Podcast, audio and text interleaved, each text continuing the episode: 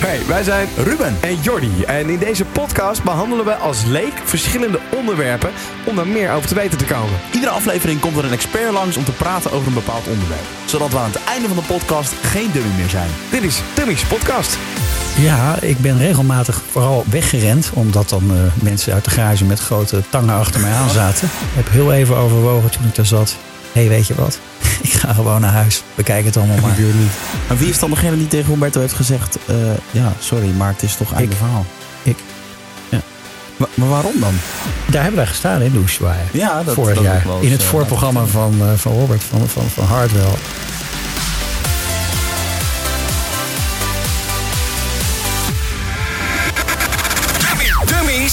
Podcast. En hoe verder moeten we blijven zeggen, daar zijn we weer. Het heeft even geduurd, maar we zijn er weer. We zijn er weer. Ja, dat hebben, dit, hebben we dit voelt een beetje als Ctrl-C, Ja. Ctrl-V na de vorige keer. Hey, ik haat het als eh, mensen excuses maken voor eh, het lang duren van bepaalde content. Op, op YouTube heb je ook wel YouTubers die dan beloven iedere week eh, te gaan uploaden. Maar die zeggen dan na drie weken, ja sorry, het gaat toch niet lukken, het wordt een week later. Ben ik met je eens? In principe beloven wij niet zoveel. We doen gewoon ons best. Alleen we willen alleen Ja, de waar. tofste gasten. Ja, en, en soms duurt het even omdat we gewoon eh, best wel wat eh, werk steken in het uitnodigen van gasten. En dat niet altijd heel soepel gaat. Er is toch wel één iemand geweest die eh, eigenlijk gelijk zei: Ja, dat wil ik doen, dat vind ik tof. En dat is Erland Galjaard, die deze aflevering te gast is. Hij heeft 21 jaar RTL achter de rug, een hele lange televisiecarrière. Is programmaleider geweest van, van RTL 5, eh, van RTL 4, van, van Jorin, eindredacteur RTL Nieuws. Eh, heel veel op zijn naam staan. En eigenlijk is onze hoofdvraag een beetje: hoe werkt de televisiewereld? Ja, want jij en ik zijn allebei radiomensen. Ja, Ehm, en dat, nou, dat, dat snappen we wel. Maar de televisie is best wel ingewikkelder, heb ik het idee. Ja, dat, eh, dat lijkt me ook. En dat zijn ook de verhalen die ik hoor. Maar daar, daar gaan we, als het goed is, deze podcast achter komen. Wat ik ook tof vind, dat, eh, eh, dat er altijd vaste luisteraars bij zijn. Zoals een Edwin Peek, die eh, heel veel reageert. Ook op Soundcloud bij Jozef Klibanski gedaan. Eh Silke Anne Numan eh, heeft gereageerd op Lowlands podcast via Soundcloud. Eh, die DJ Nordy zie ik staan. Eh, Adam Bazuin is er vaak bij op Twitter, vind ik leuk. Eh, eh, Robert Goel, Mohammed op Twitter. Kun je je afvragen waarom noem je die namen? Nou, ik vind het gewoon, ik vind het gewoon tof dat, dat de mensen reageren. Kleine, ja, een kleine shout-out. Ja, dat vind ik mooi. En eh, ja, blijf vooral ook luisteren. En als je feedback hebt, altijd welkom. Kan via, nou je noemde het al, Twitter, Soundcloud, ehm, iTunes. Eh, we lezen het allemaal. Ja, zeker. En, en ook als je eh, onderwerpen hebt waar we het over moeten hebben, eh, gasten eh, die we moeten uitnodigen, alle eh, ja, positieve feedback, et cetera, is gewoon allemaal welkom. Want daar hebben we gewoon heel veel aan. En eh, dan, dan kunnen we gewoon doorgaan met leuke podcast maken. Zo is dat. Nou, eerst de podcast van vandaag, eh, van nu, die we, eh, die we gaan opnemen. Want hij is hier de gast en dat vind ik heel erg tof. Erland Galjaard. Dankjewel. En Dankjewel. eh, top dat je hier bent. Want ik wil gelijk even een quoteje erin gooien dan, eh, die jij in een interview hebt eh, gegeven. Eh, terughoudend geweest met interviews. Altijd. Ja, En daar zeg jij eigenlijk, ik ben eh, eh, bang geworden om interviews te geven. De ervaring leert dat mensen ook van wat ik hier ga vertellen zullen zeggen, hij lult maar wat raak. Nou, dit komt uit een, een van de weinige interviews die je wel gegeven hebt, uit eh, 2015. Algemeen Dagblad, denk ik. Een HP de Tijd. Ah, HP de tijd, ja. Nou, ik dat, had gelijk. daar ga je dan. Ja, ja. Dan gaan we anderhalf uur lullen nu. een stomzinnige fout weer voor mij. ik ga naar huis. Oh jee, oh jee. Nee, nee, nee, nee, nee. Nee, nou ja, eh, eh, dat heeft twee redenen eigenlijk. Eh, de belangrijkste reden is dat eh, eh, door de toegenomen ehm, hè, eh, snelheid van de media, via social media, via online natuurlijk. Het aantal aanvragen en het aantal keren dat er iets geschreven wordt, gezegd wordt en een reactie wordt verwacht, is gewoon de afgelopen jaren natuurlijk eh, vertienvoudigd. Dus eh, het aantal aanvragen was zo groot dat het überhaupt nooit eh, aan te voldoen is. Nee. Ehm, en ik was ook gewoon heel druk met mijn werk. Dus ik had ook weinig behoefte om eh, heel veel eh, interviews te geven. Ik ben een man van achter de schermen. Heb je voor, eh, perswoordvoerders voor, wou je zeggen? Nou, die zijn er natuurlijk, maar die kunnen ook weer niet precies zeggen wat jij dan vindt. Maar over het algemeen eh, beschermen die natuurlijk wel de belangen van het bedrijf waar ik voor werk.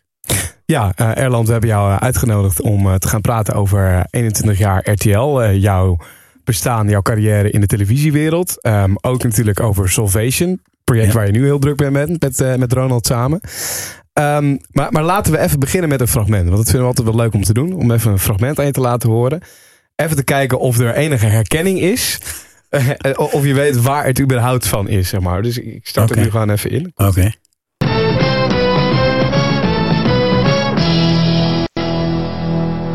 Goedenavond, welkom bij Radar. U komt waarschijnlijk net van tafel, maar blijft u vooral kijken, want straks hebben we een heel onsmakelijk toetje voor u. Maar eerst gaan we u even helpen met de afwas. Antoinette Hersenberg. Ja. Ja. Met eh, de allereerste aflevering van Tros Radar. Ach, was dat de eerste? Ja. Dit was eh, 9 januari eh, 1995. Jeetje. Leuk. Ja, maar, maar, Ja. maar, eh, weet je ook waarom ik het dan laat horen? Ja, ik neem aan van wel. Nou, ik, ik ben daar ooit eh, terechtgekomen bij de Tros. Dat had ik eerlijk gezegd nooit durven denken dat ik naar de Tros zou gaan. Ik kwam toen uit mijn hoofd van de varen. En ehm, de Tros had jarenlang, maar dat is ver voor jullie tijd, een, een, een vrij beroemde consumentenrubriek gehad. Dat heet eh, Kieskeurig, met Wim Bosboom en Marije Bekooi. En dat was al een aantal jaar gestopt. En ehm, toen was het plan om, eh, de, de leden van de Tros hadden gezegd, er moet een nieuw consumentenprogramma, onze belangen moeten verdedigd worden. En dat hebben wij toen met Gerard Baars en Antoinette Herzenberg, die woordvoerster was van de dierenbescherming. Dat was haar eerste presentatieklus. En ik eh, was daar een van de verslaggevers. En eh, maakte daar filmpjes over mensen die eh, benaderd waren omdat ze een auto hadden gekocht waar eigenlijk geen wielen onder zaten. Of die keukens hadden besteld die nooit werden afgeleverd. Of verhuizingen hadden gedaan en de, alle spullen waren verdwenen. Maar betekent dan dat een van de verslaggevers dat jij ook daadwerkelijk in beeld was hiervoor?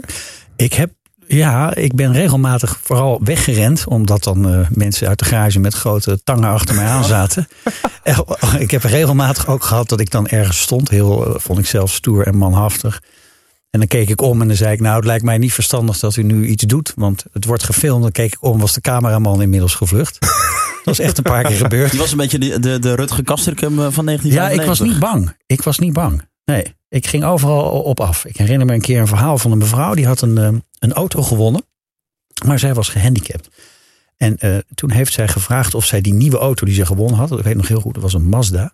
Of zij die mocht ui- inruilen voor een, een, een, een een gehandicapte auto. En eh, dat hadden ze gedaan. En ze hadden haar verteld dat, dat, dat die auto's dezelfde waarde hadden. En toen bleek achteraf dat die auto die ze had gekregen... die was ongeveer goed voor de sloop. En toen ben ik uiteindelijk dat helemaal uit gaan zoeken. En kwam ik uiteindelijk in die garage en had alle papieren achterhaald van die auto. En dat daar dus helemaal niks van klopte. En toen waren die mensen er niet. Maar voordat ik die garage in was, wilden twee monteurs mij al in elkaar rammen. Zo. Dat wist ik te voorkomen. Toen zijn we uiteindelijk naar de rij. Toen was het ook nog eens autorijden. Daar ben ik toen heen gereden. En toen heb ik die mannen geconfronteerd. En die hadden toch een vrij groot probleem. Dus de dag daarna moest Mazda bellen om te zeggen of ze dit goed konden maken. En toen Ja. heeft die mevrouw een nieuwe auto gekregen. Zo Kijk. Nou, dat is zo opgelost. Maar dit is, eh, nou, hier was je dus echt voor de schermen als eh, tv-maker aan het werk. Ja, maar dat was een beetje noodgedwongen. Dus de presentatie was echt gewoon alleen maar Antoinette. En ik kwam in beeld als er eh, gedoe was. Ja. Inderdaad. eh, Ja. Maar, maar dit is dan niet, wat je zegt, je komt van de vader. Dus niet het eerste televisieding wat je ge- gedaan had toen. nee, nee, nee. Ik had meer, veel meer dingen gedaan. Hoe kwam je er in, de- in de televisiewereld überhaupt terecht? Nou, eigenlijk via mijn vader. Mijn vader is een. eh, hij leeft nog, maar als je zegt was, lijkt het net of het niet meer is. Maar hij was een hoogleraar die eh, genetica in Rotterdam. Die heel vaak op televisie kwam en eh, dingen uitlegde over, eh, nou ja, over, over prenatale diagnostiek en postnatale. Nou, fijn. Dus dat was een knappe kop en die, werd, die kon heel goed uitleggen. En die zat in heel veel televisieprogramma's. En eh, dan ging ik met hem mee als jong jongetje. En dan kwam ik in een geweldige regieruimte met Leen Tim. Toen nog de man van eh Mies Bouwman. Dat was de grote regisseur. Mocht je eigenlijk helemaal niet komen, maar ik mocht dan mee. En dat vond ik fantastisch. Als ik dan televisie zag, dacht ik, dat wil ik gaan doen. En dat wist ik eigenlijk van jongs af aan al. En mijn eerste klus was ehm, het weekjournaal. Dat was eh, op school, was dat verplicht op vrijdag. Dat je het nieuws van de week, zeg maar, was dan voor kinderen beschikbaar gemaakt. En dat maakte ik. En daarna ging ik naar de VARA, naar Paul Witteman. En daarna ging ik naar Chef Rademakers. En maakte ik klasgenoten onder andere. En daarna ging ik geloof ik naar de Tros. Zo'n soort weg. Dus ik had al wel wat gedaan. Op heel jonge leeftijd wist je al, ik, ik wil bij die televisie werken. Dat wist ik echt heel jong al. Ja. Wauw. 18, 19, toen wist ik dat. Ja. En eh, dan ga je even later, als ik het uit mijn hoofd goed zeg, word je eh, eindredacteur bij RTL Nieuws. Ja. Hoe, hoe lang zit daar dan nog tussen? Niet zo heel lang. Ehm, ik kwam bij Tros Radar vandaan.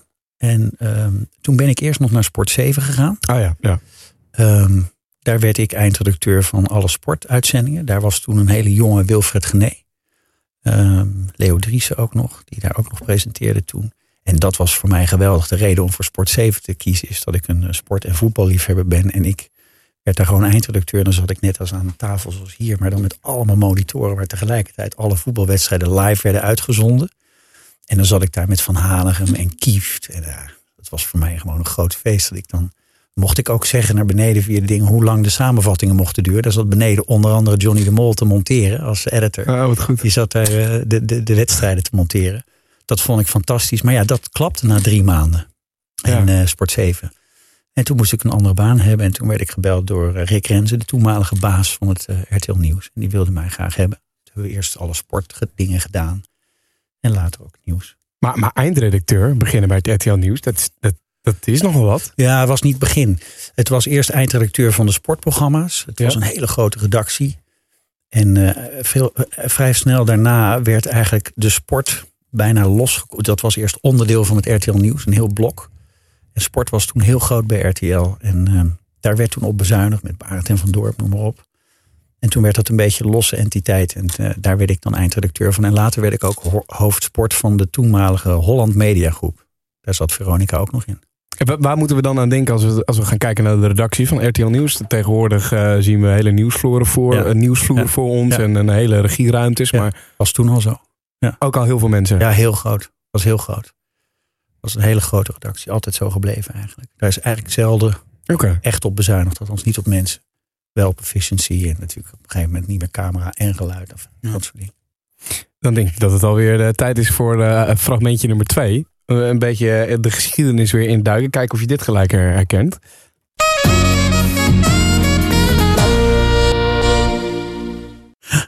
Nee, dat zegt me helemaal niks. Het spijt me.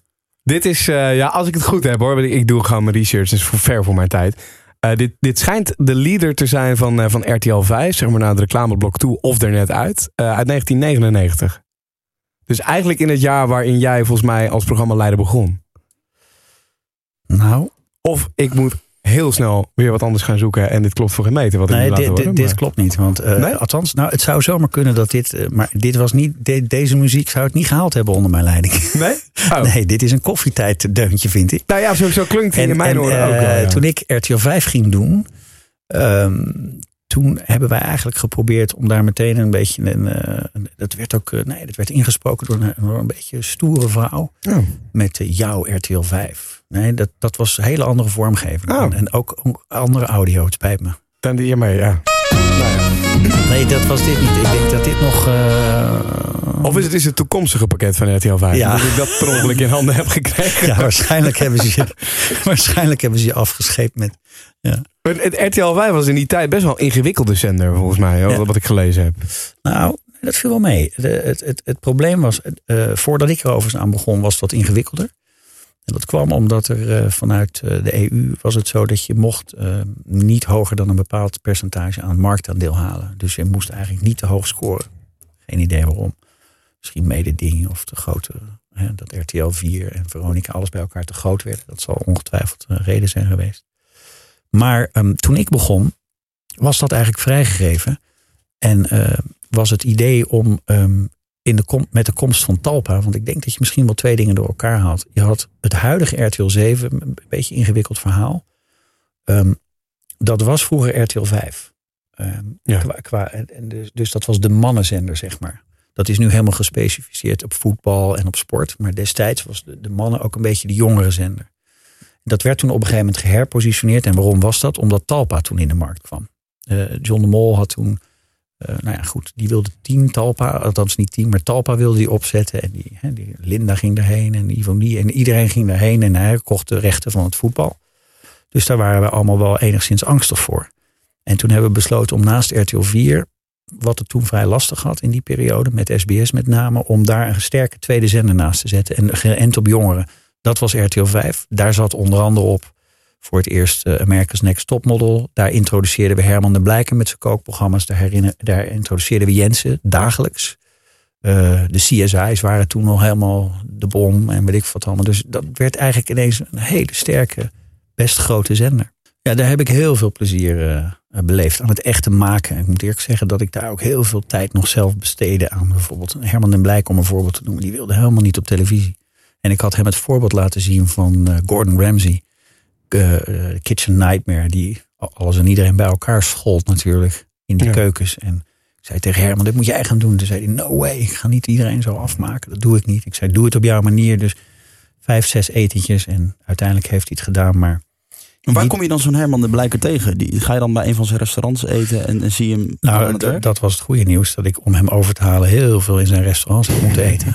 Overigens, de eerste keer dat ik hem ontmoette was een grote teleurstelling. Hij was om tien uur s ochtends nodig hij me uit te kerk groene thee. Dat was toen nieuw. Nou, dat was niet te zuipen werkelijk. Zo en- ook een halve liter ongeveer een emmer. Ik denk, is dit het? En dan toch nog eh, hem op televisie willen hebben. Ja, ja ik heb even doorgezet. Maar, maar en dit is wel, ik vind het wel interessant Ja. om dit te, horen, zeg maar. Want ehm, kijk, als ik naar een programmaleider kijk van, van de radio, van, van Slam bijvoorbeeld. ehm, dan eh, gaat hij inderdaad ook op zoek naar nieuwe radiotalenten om die Ja. programma's te laten maken. Gaat dat bij de televisiewereld net zo? Of Ja. worden er continu programma's aan jou aangeboden? Of, Nou ja, er is een verschil tussen, tussen het aantal programma's wat aangeboden wordt en talent. Eh, omdat je natuurlijk zoveel programma's per jaar nodig hebt. Hè. Als je ziet, dat je, nou ja, reken maar uit hoeveel zenders wij hadden, hoeveel dagen je moet uitzenden. Dan, eh, en, en de gemiddelde serie duurt zes tot acht weken van een uur. Nou, dat is een enorme hoeveelheid aan programma's die je dus krijgt aangeboden. Dat is overigens veel internationaler geworden dan, dan het vroeger was, omdat je ook zoveel hebt nu. Eh, qua talent is het net even wat anders, omdat daar het aantal geschikte mensen natuurlijk relatief klein is. Uh, en je hebt natuurlijk miljoenen ideeën die geselecteerd moeten worden, maar je hebt niet miljoenen mensen die kunnen of willen presenteren. nee. In het geval van Herman was het natuurlijk helemaal geen presentator. Sterker nog, ik herinner me dat ik hem vroeg om het zelf ook in te spreken. Ja, daar had hij hele grote moeite mee om een uur in te spreken. Ik denk dat hij daar vier, uh, vier uur over deed. En daar moest hij dus in gecoacht worden. Maar het gaf hem wel de kans, vond ik, want hij was geen goede voice-over. Maar hij kon daardoor het commentaar leveren inhoudelijk wat geleverd moest worden in plaats Ja. van een ander. En Herman had ik simpelweg een keer uh, gezien uh, op um, uh, de lokale televisie in Rotterdam, waar ik vandaan kom. En daar ging hij een keer voor studenten koken of zo. Toen dacht ik, wat een leuke kerel is dat zeg.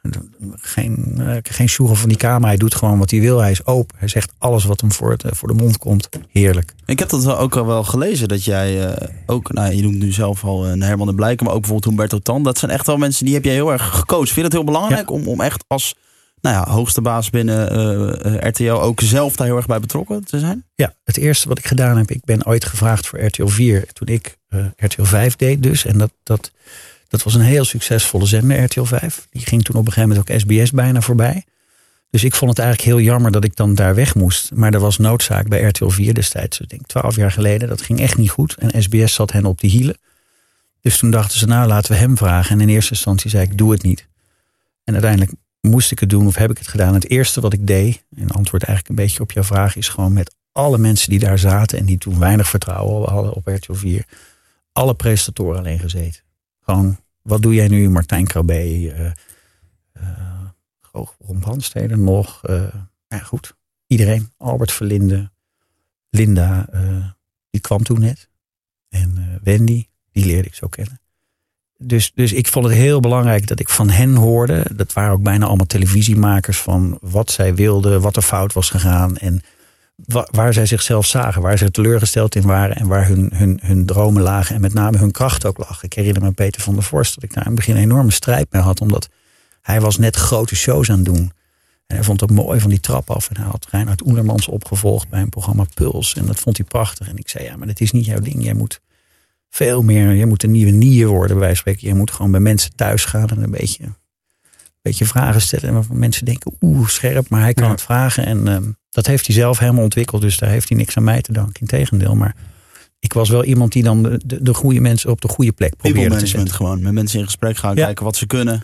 Eindeloos lang. En met Humberto um, was het eigenlijk in zoverre simpel. Ik kende Humberto helemaal niet. Anders dan dat hij uh, voetbal had gedaan toen wij de voetbalrechten overkregen toen Talpa stopte. Toen kregen wij als RTL 4 de voetbalrechten. Daar baalde ik van. Ik denk, ja, wat moet je met voetbal op een familiezender? Dat was ook ja. eens keiduur natuurlijk. Daar heb ik toen wel Umberto op gezet. Omdat ik vond dat Umberto het meeste tegen het gevoel van de NOS aan zat. En dat miste juist iedereen toen bij Talpa. Van ja, het is niet meer wat het was. Uh, NOS, bord op schoot. En Umberto had dat vroeger gedaan. Dus ik dacht, dat moeten we hem laten doen. Ja. Daar kende ik hem een beetje van. En toen wij lang hebben nagedacht over een late night talkshow. Waarom lang nadenken? Omdat RTL 4 was toen zo succesvol. Dat was helemaal niet nodig voor de cijfers, zeg maar. Maar ik dacht vooruit in zover. Ik denk, ja, dat zal ook wel een keer minder gaan. Er gaan sommige programma's minder scoren. In seizoen 3 en 4 er zullen eens een keer dingen onderuit gaan. Dan moet je compenseren. En bovendien, ik vond het heel zwak dat de grootste zender van Nederland niet gewoon s'avonds om half elf nog een soort programma had waar je terug kon komen op de actualiteit en kon duiden. Ehm, maar die markt was ook redelijk vol natuurlijk. Je had Nieuwsuur, je had Pauw en Witteman, die toen heel succesvol eigenlijk Barend en Van Dorp hadden opgevolgd, weliswaar op een andere zender. Dus dat was ingewikkeld. En toen dacht ik, als je, als je dat anders wil doen, dan moet je meer naar een soort kroegachtige setting waar je s'avonds nog even langs loopt voordat je naar huis gaat. Dat je denkt, het is daar best gezellig. Ik drink nog één biertje, ik hoor even wat er gebeurd is en ik ga met een glimlach daarna naar huis en mijn bed in. Dat was een beetje het gevoel. En daar vond ik Umberto bij horen. En hebben we toen een aantal tests meegedaan. Maar grappig, je neemt dan één zo'n pilot op en dan weet je het al. Dan moet je wel gaan schaven. Wat wordt het voor? Want daar is Luc nog bij verzonnen. Ik hoorde ook dat jij uh, best nog wel moet leuren bij de grote bazen om dat voor elkaar te krijgen. Omdat dat veel geld Ja. kost en Ja. dat was niet per se nodig. Wat Ja. je ook net zei. Wat zijn dan grote bazen? Is dat dan, wie zijn dat dan? Aandeelhouder. Aandeelhouders. Oké. Ja, dus Luxemburg. En ik had wel altijd natuurlijk een CEO boven mij. En dat was in dat geval eh, Bert Habets. Die overigens eh, eh, heel snel daarin wel al gevoel voor had van... nou, dit zou wel eens waar kunnen zijn, maar laat maar zien dan dat het leuk is. En toen heb ik die pilot laten zien en toen was die vrij snel om. Maar het ging natuurlijk om heel veel geld. Wij zonden daar geloof ik herhalingen uit van jouw vrouw, mijn vrouw. Ja. Dat kostte niks en dat leverde ook nog wel wat op, gek genoeg. Maar ja, dat was natuurlijk voor de lange termijn niet houdbaar. En, en ja, dan moet je ineens, reken maar uit, ik weet niet meer, maar dan gaat het om heel veel miljoenen per jaar extra investeren in een zender die op dat moment al, geloof ik, 110 miljoen euro winst maakt. Ja. Nou, vraag me heel erg af. Hoe zit zo'n organisatie nu in elkaar? Als jij het nu hebt over eh, Ja. eh, aandeelhouders, CEO Ja. inderdaad. Eh, RTL is natuurlijk al de constructie die, waarbij altijd vraagtekens worden gesteld. Luxemburg, hoe zit het Ja. dan? Hoe, hoe zit RTL in elkaar? Ja. RTL Nederland is onderdeel van RTL Groep. En RTL Groep heeft grote televisie en heel veel radiozenders. Maar grote televisiezenders die je zou kunnen kennen is RTL eh, Duitsland. Ja. In Frankrijk hebben ze MC's. In België hebben ze, nou fijn, die hebben dus kortom heel veel expertise en heel veel radiostations ook. ehm, en dat is weer onderdeel van een heel groot Duits bedrijf, Bertelsmann. Ehm, dus hoe het aandeelhouders technisch zit, is dat RTL Groep wordt nu overigens geleid door Bert Habits, de voormalige baas van mij bij Ja. RTL. Ehm, ja, en, en, en zij stellen RTL Nederland gewoon, net als alle andere RTL-landen en televisiezenders, een aantal doelen aan het begin van het jaar. Dus ze zeggen, ik zou graag willen dat je zoveel winst aflevert aan het einde van het jaar. Daar heb je dan eigenlijk gedurende het jaar relatief weinig mee te maken op mijn niveau. Omdat ik heb altijd gezegd, ik moet, je moet mij in het veld zetten. Ik ben een voetballer, ik moet met de presentatoren praten. Ik moet creatief zijn, ik moet programma's verzinnen. Heb ik ook altijd gedaan. Eh, een van de beste voorbeelden is natuurlijk samen met John The Voice hebben we verzonnen. Ja. Ja, ja, dat moet je mij laten doen. Dan moet je me niet achter een board eh, in een boardroom zetten te veel. Want dan ga je dat niet doen. Daar wordt dat niet verzonnen, durf ik te beweren. Ehm, dus ja, ik heb altijd de vrijheid gekregen, wel van de CEO's die ik boven me had. En ik heb natuurlijk heel lang met Bert Habets samengewerkt. Eigenlijk bijna mijn hele periode. Om, eh, om daar te doen eh, wat, ik, wat ik moest doen. En ik had daar heel veel vrijheid, omdat ik gewoon wist. Ja, dit is ongeveer budget, daar blijf ik binnen. En ondertussen bouw ik gewoon aan een zender. En dat was toen nodig bij RTL 4, want die zaten in grote problemen. Dus ik heb dat geprobeerd met een groep mensen op te bouwen en dat is gelukt. Ja, ik kan het zeggen, dat is, eh, dat is flink gelukt toen ook. En, eh, maar dat betekent dan ook dat je niet per se heel veel geheigen in je nek hebt van die aandeelhouders en van de buitenlanders, Nee. zeg maar, die zich daarmee. Nee, ik vond eh, een van de, de, de, de voorgangers zeg maar, van Bert Habits, dus de, de oude baas van, eh, van, van RTL Groep, was Gerhard Seiler. Dat was de voormalige baas ook van RTL Duitsland. En die zei altijd, it's local business. Dus wij spraken wel met hem één of twee keer. Maar dan zei hij uiteindelijk, dit is het advies wat ik je geef. Dit is graag wat ik als doel wil stellen. En de rest van het jaar was je eigenlijk grotendeels vrij. En had je dus te maken met je Nederlandse baas. Ik had één Nederlandse baas boven mij. Maar ja, die, die leidde gewoon het hele bedrijf, eh, zeg maar. hè. Die, die, die zorgde voor de arbeidsplekken en, en nou, alles. En de investeringen die gedaan werden. En ik was verantwoordelijk voor het televisiebedrijf in eerste instantie. Later veranderde dat. Toen werd ik natuurlijk breder inzetbaar, omdat televisie terugliep al vier jaar geleden of drie jaar geleden. Nu gaat het natuurlijk heel hard. Dus toen werden mijn taken eh, ook verbreed. Maar ik had voornamelijk te maken dus met één baas en wij spraken elkaar vrij regelmatig en ik had alle vrijheid. Oké. De vrijheid om dingen te bedenken. Je noemde het net Ja. zelf al. Je bedacht eh eh, de Voice of Holland. En ik denk wel dat dat ook gewoon een, een, een, een goed programma is om, eh, ja, om, om, als, om als voorbeeld te nemen. Als je kijkt naar hoe, gaat zoiets? Ja. Hoe, hoe komt de Voice of Holland tot stand? Hoe, Ja. Vertel eens. Nou, dat is eigenlijk eh, dat is wel een grappig verhaal.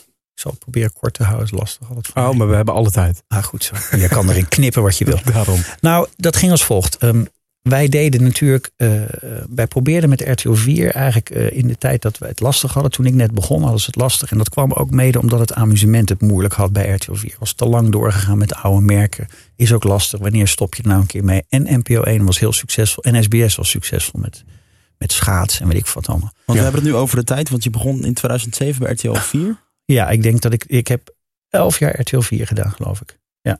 En de laatste zeven jaar alle zenders. Maar goed deze, deze tijd hebben we het ongeveer over toen daar starten. En um, toen dacht ik even naar de Voice. Het eerste, eerste amusementsprogramma wat we ooit geïntroduceerd hebben, wat ik geïntroduceerd heb samen met John overigens ook, was Ik hou van Holland. Omdat dat een andere manier van, van, van het was tegenover Mooi Weer de Leeuw. Ik weet nog goed dat Paul de Leeuw, die kwam ik tegen in het Rotterdam in het theater of zoiets. En toen hij had de promo's gezien van Ik hou van Holland. En toen zei hij van, nou ga ik het voor het eerst moeilijk krijgen. en uh, toen dacht ik, nou, dat zal wel meevallen. Want ja, het verschil was zo groot. NPO 1 had tegen die toen alles een mooi weer leeuw. Dan hadden ze na dit was het nieuws en daarna Studio Sport. Ja, dat viel niet tegenop te programmeren. Leek. Maar wij hebben toen met Ik hou van Holland en later tv-kantine... Ja, kregen wij ineens ook een heel sterk blok. Goed, dat was de eerste stap. En toen de talentenjachten, daarvan riepen heel veel mensen... ja, dat hebben we nou wel gezien. Dan komen ze weer met zo'n zang en er komt toch nooit wat van. Wat overigens echte onzin is. Want er gebeurt vaak met mensen die meedoen, lang niet altijd winnen. Maar die komen vaak toch wel goed terecht. Kunnen in ieder geval hun brood Want je had toen al gehad Idols natuurlijk als grootste ja, voorbeeld. we hadden als Idols gehad. En in dat jaar switchte ik naar X Factor. Dus dat lag bij dezelfde rechthouder. En ja. in plaats van Idols, natuurlijk mega groot was. Dat hadden we na een aantal jaren gedaan. Um, dat deden ze ook nog. Dat liep nog toen ik daar begon. En uiteindelijk had ik toen de keuze, uh, ga ik nou nog een keer Idols doen of ga ik X-Factor weer doen? En toen heb ik gekozen om X-Factor te doen met als voorwaarde dat we zouden focussen op, um, op meer op het talent, op het echte talent. Dus minder op het lachen, minder op die audities waarbij een paar gasten op klompen binnenkomen lopen. We kennen al die audities nog, die waren natuurlijk hilarisch destijds en die waren ook het succes van bijvoorbeeld Idols. Maar na al die jaren werd dat ook voorspelbaar. En toen zei ik, nou moeten wij de stap durven maken naar echt talent. Naar goede zangers. En met goede verhalen. Dus met minder mensen, maar meer. Meer kwaliteit. En dat is het jaar dat Lisa won. Uh, en ik herinner me ook nog dat er een oudere man meedeed. Wiens naam ik helaas niet meer weet. Maar die kwam met zijn dochter naar de auditie. Zij zou zingen. Maar hij bleek zelf een zanger te zijn. En hij ging ook auditeren. Werd hij gevraagd door Wendy of hij dan wilde auditeren. Had hij echt niet voor, vooraf bedacht. Nee. En die zong fantastisch. En die man die haalde net aan tot, net niet tot de live shows. Maar in ieder geval, de sfeer van die programma's werd totaal anders. Dat werd veel meer storytelling, dat werd veel meer echte talenten. Waar wonen ze dan? Waarom doen ze dit? Wie is hun vrouw? Want hij had een zieke vrouw thuis, bijvoorbeeld die man. Dus dat verhaal werd natuurlijk helemaal verteld. En toen was die eerste live show, dat herinner ik me nog heel goed. En die zag er ook prachtig uit. De hele grote studio 22, dat is de grootste studio van Europa. Dus misschien weten jullie zijn er wel eens geweest met The Voice. Ja. En Um, ja, daar gebeurde wat in die zaal. En, en, en je had ook zo'n lichtkrant, dat was toen ook nieuws, met, nieuw, met allemaal van die, met van die, die namen van die kandidaten en een live band. En fuck, wat was dat gaaf zeg. En toen stond ik daar in de coulissen en toen belde John mij, John de Mol mij. En die zei, wat is dit dik zeg. Wat is dit geweldig gaaf. Wat is dit goed gedaan. Waarom kunnen wij dit nou nooit eens zelf in Nederland? Waarom, waar, waarom hè, jij zult vast wel weer de rechten in Engeland, Simon Cowell, weet ik het allemaal. Waarom doen we dit zelf niet? Toen zei ik, nou, als jij iets kunt ontwikkelen wat goedkoper is, want dit kan ik maar één keer per jaar betalen. Is een bloedduur programma. Ja, maar dit, even voor de, voor de duidelijkheid, dit soort programma's koop je gewoon. Het Ja. is gewoon een draaiboek, Ja. dat, dat koop je en dat mag je uitvoeren. Nou, ik had wel nog een beetje stennis gemaakt met X-Factor, met, met de bazen daar in Engeland. Althans, vooral via de producent. Omdat ik juist de nadruk op dat positieve wilde leggen. Daar waren zij helemaal niet zo voor. Maar juist dat sloeg in Nederland heel erg aan. De, en dat zette John weer op van ja, ja we moeten eens af van, van al die ja, mensen van 15, 16 die dan nog niks kunnen. En we Ja. willen nou eens focussen op die groep mensen die wel wat komt, maar niet aan de bak komt. Of niet durft, of niet wil zelf. En eh, dat was eigenlijk het eerste, dus die live. Toen belde ik, toen zei ik, nou laten we een keer gaan zitten. En toen, toen, toen kwam hij al vrij snel met een idee om met 100 man geselecteerd vooraf eh, zangers die je gewoon ging casten bij conservatoria, bij bandjes. eh, om daar echt heel gericht, niet meer lange rijen en geef je op. Nee, gewoon wij bepalen. Voorselectie en dan... eh, En nou ja, goed, dat was nog een eerste idee. En uiteindelijk is het natuurlijk na twee jaar heeft het geduurd, de ontwikkeling van dat programma. Omdat er heel ja, uiteindelijk kwam je ook wel weer uit van ja, maar ja, dat heb je daar wel gezien al. Dat zat ook al daarin. Hoe moet dat nou? Maar begint het dan met uh, een idee wat dan want John op papier aanlevert Ja. in een meeting? Ja. En daar zitten dan heel veel mensen bij en Nee, die doen met een plasje daar. Met, Nee. Echt met z'n tweeën. De eerste sessies, de eerste maanden, de eerste half jaar, jaar zelfs, waren, was echt met z'n tweeën. En ik herinner me dat hij ook nog de eerste titel was I Want You. En daar had hij eh, Uncle Sam zo. En dat, wat was nou de gedachte? Dat had hij wel al heel snel. Er moeten drie coaches zitten. Er moeten ook geen juryleden zijn. Er moeten coaches zijn. Die moeten A. Zelf nu een top 10 hit, hit hebben. Althans onlangs of nu. Ehm, ze zullen zelf ook moeten zingen. Dus als zij straks met een kandidaat aan de gang gaan, zullen ze op een gegeven moment ook live zelf moeten zingen. Dus laat maar zien hoeveel beter je dan bent dan een kandidaat. En wat je diegene kunt leren. Dat was natuurlijk ook nog nooit gebeurd. En Nee. doodeng. Het derde was altijd een live band. Dus ze zingen nooit op band, met band, altijd met een live band. En het vierde was, de kandidaat heeft de macht. Dus op het moment dat die kandidaat goed auditeert, bepaalt hij of zij wie die kiest. Dat is dat spannende moment van Ja, eh, wie kies je. En dat de coaches ook hun best gaan doen. Maar daar zat natuurlijk nog niet het, eigenlijk het belangrijkste element in van de draaiende stoelen en de blind audition. Ik heb me wel eens laten vertellen dat Roel van Velsen die draaiende knop, of die knop heeft bedacht. En Nee. die draaiende stoel. Nee, nee, dat heeft hij niet bedacht. Maar, hij heeft wel de aanzet gegeven ehm, eh, voor dat idee. Dus hij is daar wel heel belangrijk in geweest. Wat gebeurde er? Hij werd gevraagd als een van de coaches, van de mogelijke coaches. Jeroen van der Boom, dus jullie weten, was een van de eerste die gevraagd had. Die had toen net twee eh, nummer één hits met Je bent zo en nog een. Eh Borsato kon niet. Ehm, Anouk wilde niet. Eh, Guus eh, vond het interessant, maar was net in zijn theatertour. Nou, afijn, zo gingen we een heel rondje mensen af die er echt doen en deden. En nog steeds doen vaak. Ehm, en zo kwamen we ook bij Roel. Die vond ik wel leuk, want die zat toen regelmatig bij De Wereld Draait Door. Die had volgens mij toen net Baby Get Higher, denk ik. Maar in ieder geval, maar goed, Hmm. hij was nog niet heel, heel bekend, maar wel, wel, wel een goede prater ook. En daar zijn toen gesprekken mee gevoerd. Daar was ik overigens niet bij. Ehm, en hij zei de eerste twee keer dat hij niet wilde doen. En op een gegeven moment, en daar komt dit vandaan, heeft hij gezegd in een meeting. Ja, jullie zeggen The Voice en het gaat niet meer om uiterlijk. Het gaat echt alleen maar om de stem. En we beoordelen niet meer over hoe iemand eruit ziet. Of hoe die beweegt. Of de total package of zo. Zoals bij Idols X Factor. Maar dat ga je nooit waarmaken. Dat ga je nooit waarmaken. Als er een prachtige vrouw binnenkomt. Of een hele knappe jongen die heel goed staat te zingen. Of een beetje matig zingt, maar zo mooi beweegt. Of zo sympathiek is. Of Ja. ja, als je mij zou zien. Ja, terwijl als je mij op de radio hoort, heb je geen beeld bij hoe ik eruit zie. Daar had hij natuurlijk gelijk in. Dus zei hij, dus als je het echt eerlijk wil doen, zo ging het. Dan zou je, dan zou je eigenlijk alleen de stem moeten horen. Zou je diegene niet moeten zien. En toen zaten we allemaal, oké, je moet er zien. Even kijken. Oké, moet je dan achter een muur gaan staan, achter een wandje gaan staan. En, dan, ah, en daar werd toen, dat werd wel meteen herkend, met name door John. Van hé, hey, dat zou een uniek element kunnen Ja. zijn. En hij heeft toen zelf die stoelen bedacht met die knop. En, maar maar in, in welk eh, deel van het proces van het programma vindt dit plaats? Want eh, de coaches worden dus nu benaderd. Ja. Maar welk deel van het programma is het dan? Is dit het deel waar eigenlijk het decor al bedacht is wellicht? Of, of Nee. het concept? Of, Nee. of hoe ver Nee. ben je dan? Nou, eigenlijk nog helemaal niet zo ver. Want eh, het- het benaderen van die coaches is een onderdeel zeg maar, van het programma waar je dan van uitgaat. Maar om, omdat tijdens dus het benaderen van die coaches al bleek dat heel veel of niet konden of niet wilden. Want dachten weer een talentenjacht. Dwongen wij onszelf om te denken, wat is er dan zo anders aan deze ten opzichte van degene die er al bestaan en die al onder druk staan. Waarvan iedereen al zegt van joh, dat hebben we nou wel een keer gezien, dat Idols en dat X-Factor.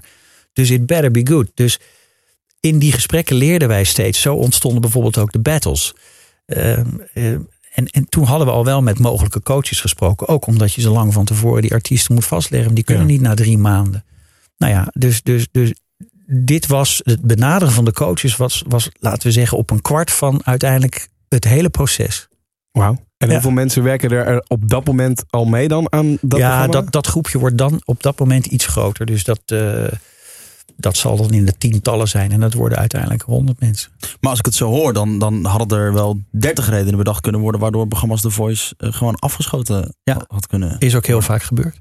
Ja? Ja, is mij heel vaak verteld. Stop er maar mee, gaan we niet doen. eh. Maar toch blijven doorzetten en blijven Ja. geloven. ja, dat is wel altijd een van mijn krachten geweest. En misschien ook voor heel veel mensen irritant geweest. Of het nou Late Night was of The Voice was. Ik wilde, als ik dacht, als ik echt ergens in geloofde, dan, dan, ja, dan ging ik wel ver. Maar je hebt in het geval van The Voice en ook van RTL Late Night, eh, eh, zeker in het begin heb je eh, dus gelijk gehad. Zijn er ook programma's geweest dat je minder gelijk hebt gehad? Ja, zeker wel. Ehm, even denken hoor. Ja, dat zijn er denk ik ook best veel hoor. Dus, dus, maar dit zijn natuurlijk de hele grote. Een dagelijks programma, dat, dat, dat trekt een enorme wissel. Je weet dat iedereen ernaar gaat kijken en zeggen: van ja, right, zij moeten ook weer dagelijks wat doen. We hebben toch op Pauw en Witte, maar we hebben de wereld draait door, de heb je ze. Dat was ook bij die talentenjacht. Want ik heb toen besloten dat we niet alleen de Voice gingen ontwikkelen, maar dat we X-Factor gingen doen. De Voice gingen doen. En Holland's Got Talent zouden proberen te kapen van SBS. Dat lukte. Dus dat betekent dat wij een heel jaar door, de, eh, echt alle weken van het jaar, deden wij talentenjacht op de vrijdag. Dat hebben wij drie jaar lang gedaan. Nou, iedereen verklaarde me voor gek. Echt, die zei van je bent niet goed. Dat hele genre. En daar hebben wij het grootste succes van de zender mee behaald met die vrijdag. Die was onverslaanbaar. Een, die begon met Holland's Got Talent. Daarna kwam uh, The Voice. En dan kwam de achter X Factor nog eens een keer. Ja. En dat je ook nog The Voice Kids natuurlijk. Ja, dat kwam uh, na twee jaar. Ja. En nu, dat zag ik voorbij komen. Ik denk, is dit een grap of is het echt? Ja. Is het geloof ik de Voice voor bejaarden of in ieder geval voor ouderen? Senior hebben we het Senior, genoemd. Ja. We, dus je bent daar nog bij betrokken geweest? Ja, zeker. Ja, zeker. Ja, zeker nog. Ik heb daar nog bedacht dat Gerard Goor samen in de stoel moesten gaan zitten. Je had vroeger Nick en Simon in de eerste paar. Die waren fantastisch. Zo'n dubbele stoel was dat, ja. Ja, dat had John nooit bedacht. Nick en Simon samen in één stoel. En um, toen de senior kwam, toen zei ik, oh, ja, dan moet je dat met Geer en Goor doen. Die hebben ah, beide hè, zijn goede zangers geweest.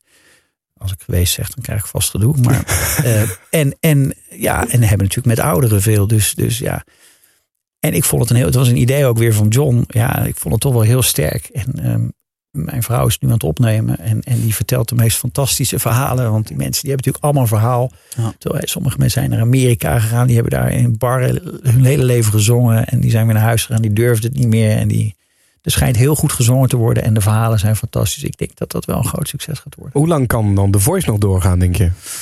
Ja, het is lastig. Kijk, Nederland is wel een land waarbij uh, succesvolle programma's een kortere levensduur hebben over het algemeen. Er zijn een paar uitzonderingen. Die zitten eigenlijk ook voornamelijk bij de publieke omroep. Als je kijkt naar bijvoorbeeld uh, Wie is de Mol en dat soort programma's. Die zijn eigenlijk in de loop der jaren gegroeid en groter en groter geworden. Expeditie Robinson misschien ook wel. Ja, Expeditie Robinson heeft natuurlijk op meerdere zenders gezeten. Maar is ook al heel lang heel succesvol inderdaad. Zit nu natuurlijk op RTL 5. En um, The Voice, ja, ik denk dat dat. Kijk, ten opzichte van het eerste jaar is het natuurlijk al minder dan, dan, dan, dan, dan nu. Uh, dat, dat gaat altijd zo. Door de eerste jaren, zeker het tweede jaar, dan, dan bestaat zo'n programma. Dan wil iedereen het ook dan weer meekrijgen van, oh, het begint weer. En dan zakt het een beetje in. Maar ja, het zit nog steeds op ruim 2 miljoen kijkers. Wat heel veel is, zeker nu. Ik ben wel benieuwd wat dit seizoen gebeurt. Kijkers haken wel redelijk snel af. Ja. In algemene eh, termen, zeker jongere mensen kijken nauwelijks meer live televisie. Nou, maar, maar dat vind ik wel een interessant om, om, eh, om even aan te snijden. Want dat wilde ik ook nog even benoemen inderdaad. De jongeren, wat was volgens mij vandaag nog een artikel wat ik las over jongeren steeds meer afhaken van televisie. Ja. Uh, hoe kijk jij daarnaar? Want we leven natuurlijk in de YouTube-wereld. Ja. Uh, waarbij we ook met, met Slam, maar jij Ruben met 3FM en radiostations focussen zich erop. Allemaal online content, content, content. Ja. ja. Nou, dit is natuurlijk een proces wat al heel lang aan de gang is. Als je, als je het een beetje goed bekijkt. En wij hebben natuurlijk daar, daar heel goed zicht op. Omdat wij elke dag die cijfers eh, krijgen. Al gespecificeerd van jonge doelgroepen. Goed opgeleid, niet goed opgeleid, noem maar op. Dus daar was A internationaal al eerder te zien dat er een enorme verschuiving was.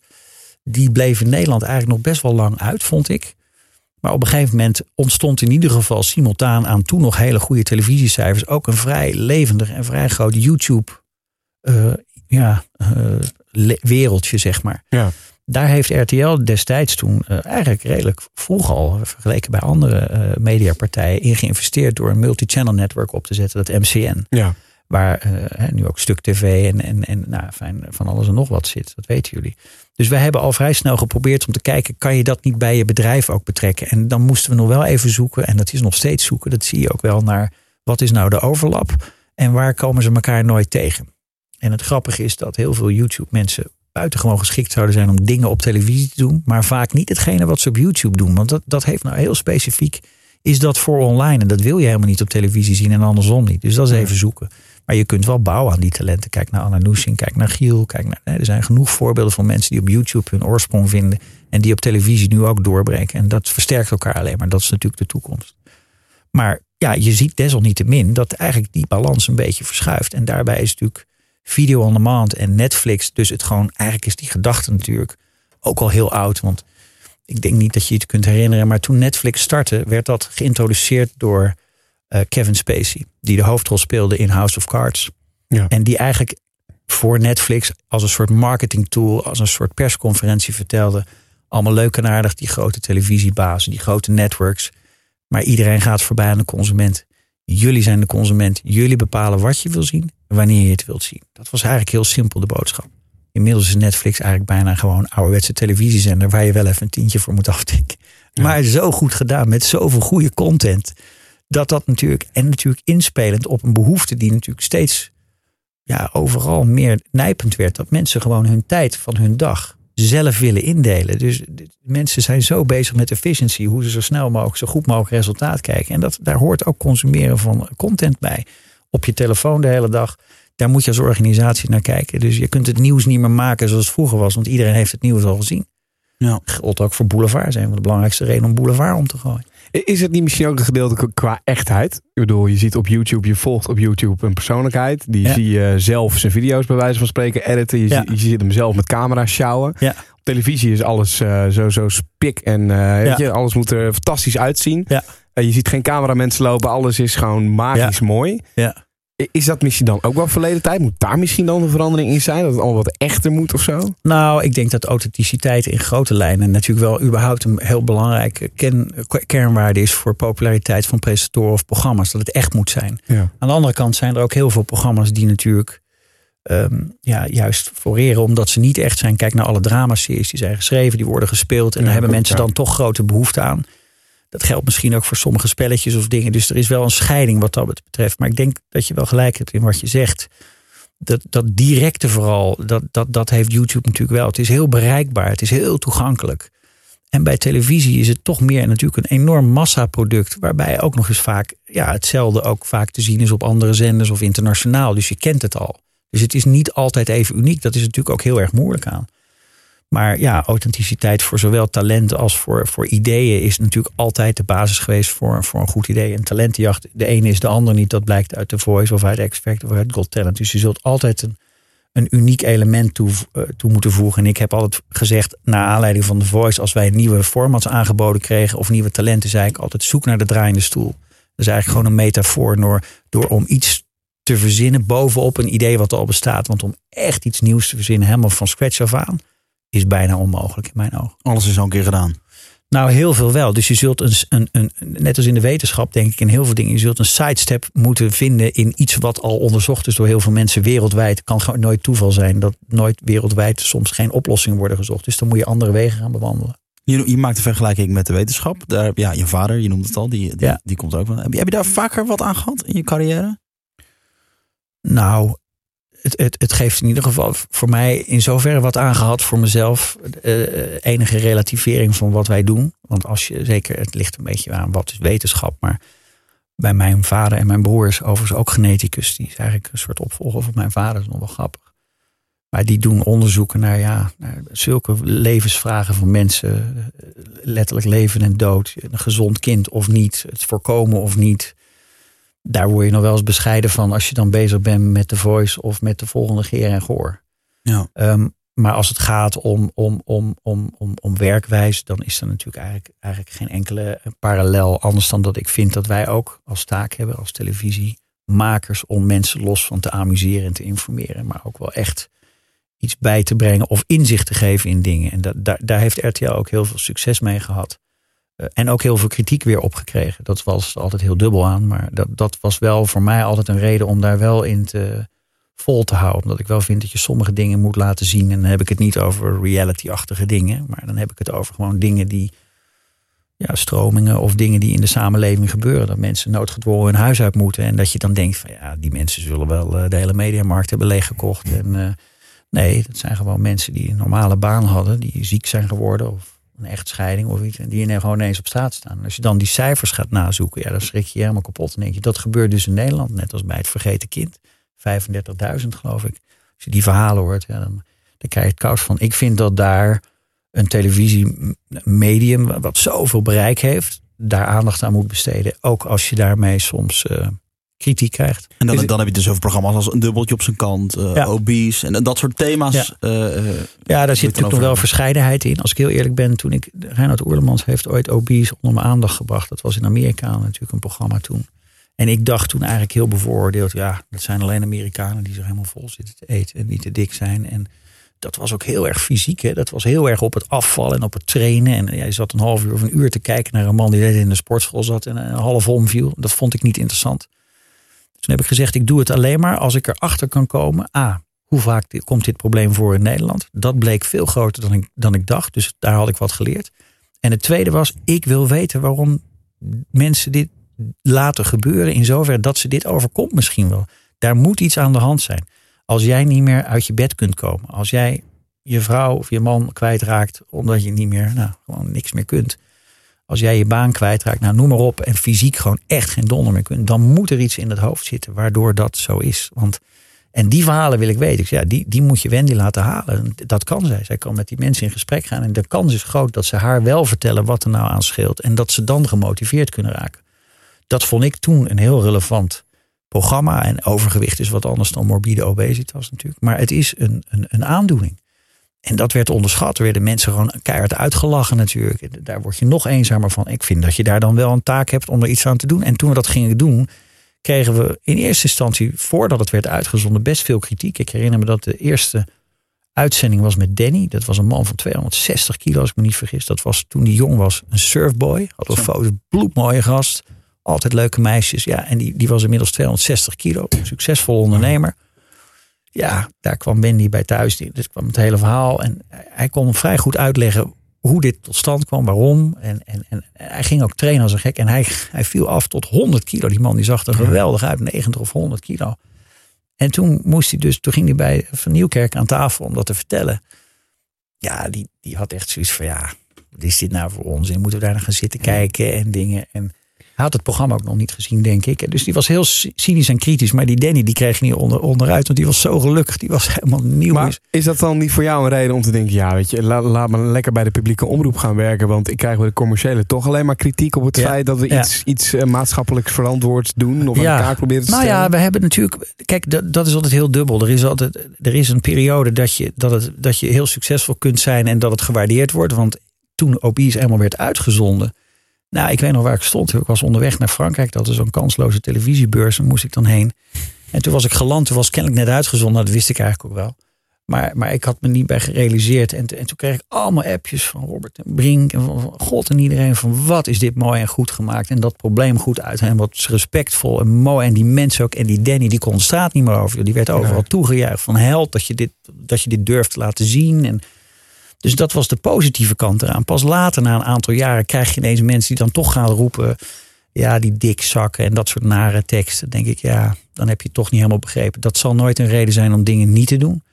Um, ik herinner me grote kritiek op de vrogers. Dat herinner jullie misschien nog. Die gingen toen voor de voedselbank een maand ja, lang in een huis zitten. Vooraf was ja, ze worden betaald. En ze, ja, en dat programma was geweldig. Dat was, ze waren zo oprecht daarin. Sterker nog, zij zijn nog steeds actief voor die voedselbank. Daar krijgen ze geen donder voor, maar dat gaat ze aan het hart. En toen het programma er eenmaal was, toen vond iedereen het eigenlijk prachtig. En er zijn natuurlijk, ja. Dus er zijn daar genoeg voorbeelden van de pestprogramma's. Ja, daar, hebben we toch wat over ons heen gekregen toen. Tjong, Project P ook, toch? Ja. ja. Nou, ik vind het interessant, Jordi, wat jij zegt. Want je zou zeggen, als je dit soort, hè, dit soort maatschappelijke thema's hoort, dat je dan zegt, ja, dat, dat is voor de publieke omroep. Maar jij hebt dus altijd ja. gevonden dat RTL als commerciële partij dit, dit, dit, ook aan de kaak moet stellen. Sterker nog, wij waren daar uh, degene die dat eerder deden en veelvuldig in ieder geval deden dan de publieke omroep. Ik ben ooit wel eens gevraagd om uh, bij de publieke omroep de baas te worden. En toen was een van de redenen van de mensen die mij wilden aanstellen, was dat wij zo maatschappelijk verantwoord uh, programma's wisten te maken en thematiek wisten te, te, te, te benoemen en, en, en te laten zien aan mensen. Wij wonnen toen ook nog de Machiavelli-prijs voor meest relevante maatschappelijke medium. En we, werden op de schouders geslagen. Ik werd er niet goed van. Ik werd bij Even Jinek op, uh, op het schild gehezen. Ik wist niet wat ik mee, maar dat is lang geleden overigens, jongens. maar, maar, maar niet gezwicht dus voor die baan. Nee, eh, eh, nee, nee, nee. Nee, gaat, dat, gaat dat ooit nog gebeuren? Want dat, nee, dat, nee? dat gaat nooit gebeuren. Nee. Dat zeg je heel duidelijk. Ja, dat zeg ik heel duidelijk. Ja. Maar wat is daar dan de stelligheid in? Waarom geen publieke omroep bijvoorbeeld? Nou, het heeft niet zozeer met de publieke omroep te maken, als wel meer met, met de manier waarop dat daar georganiseerd is. Of was Al die in ieder organisaties. Geval. Ja, ja, ik heb toen wel gezegd van, ik dacht, ik, kijk, als ik eerlijk ben, ik vond het een eerder gevraagd werd. Ik denk, jeetje, Mina zeg, wel mooi. Ja. Vond ik gewoon mooi, als ik Ja, eerlijk tuurlijk. ben. En, ehm, dus ik reed erheen, dat weet ik nog goed voor het eerste gesprek. Dat was dan allemaal een beetje stiekem. En eh, Terwijl ik een iets te mooie auto realiseer. Ik denk, die moet ik even om de hoek zetten.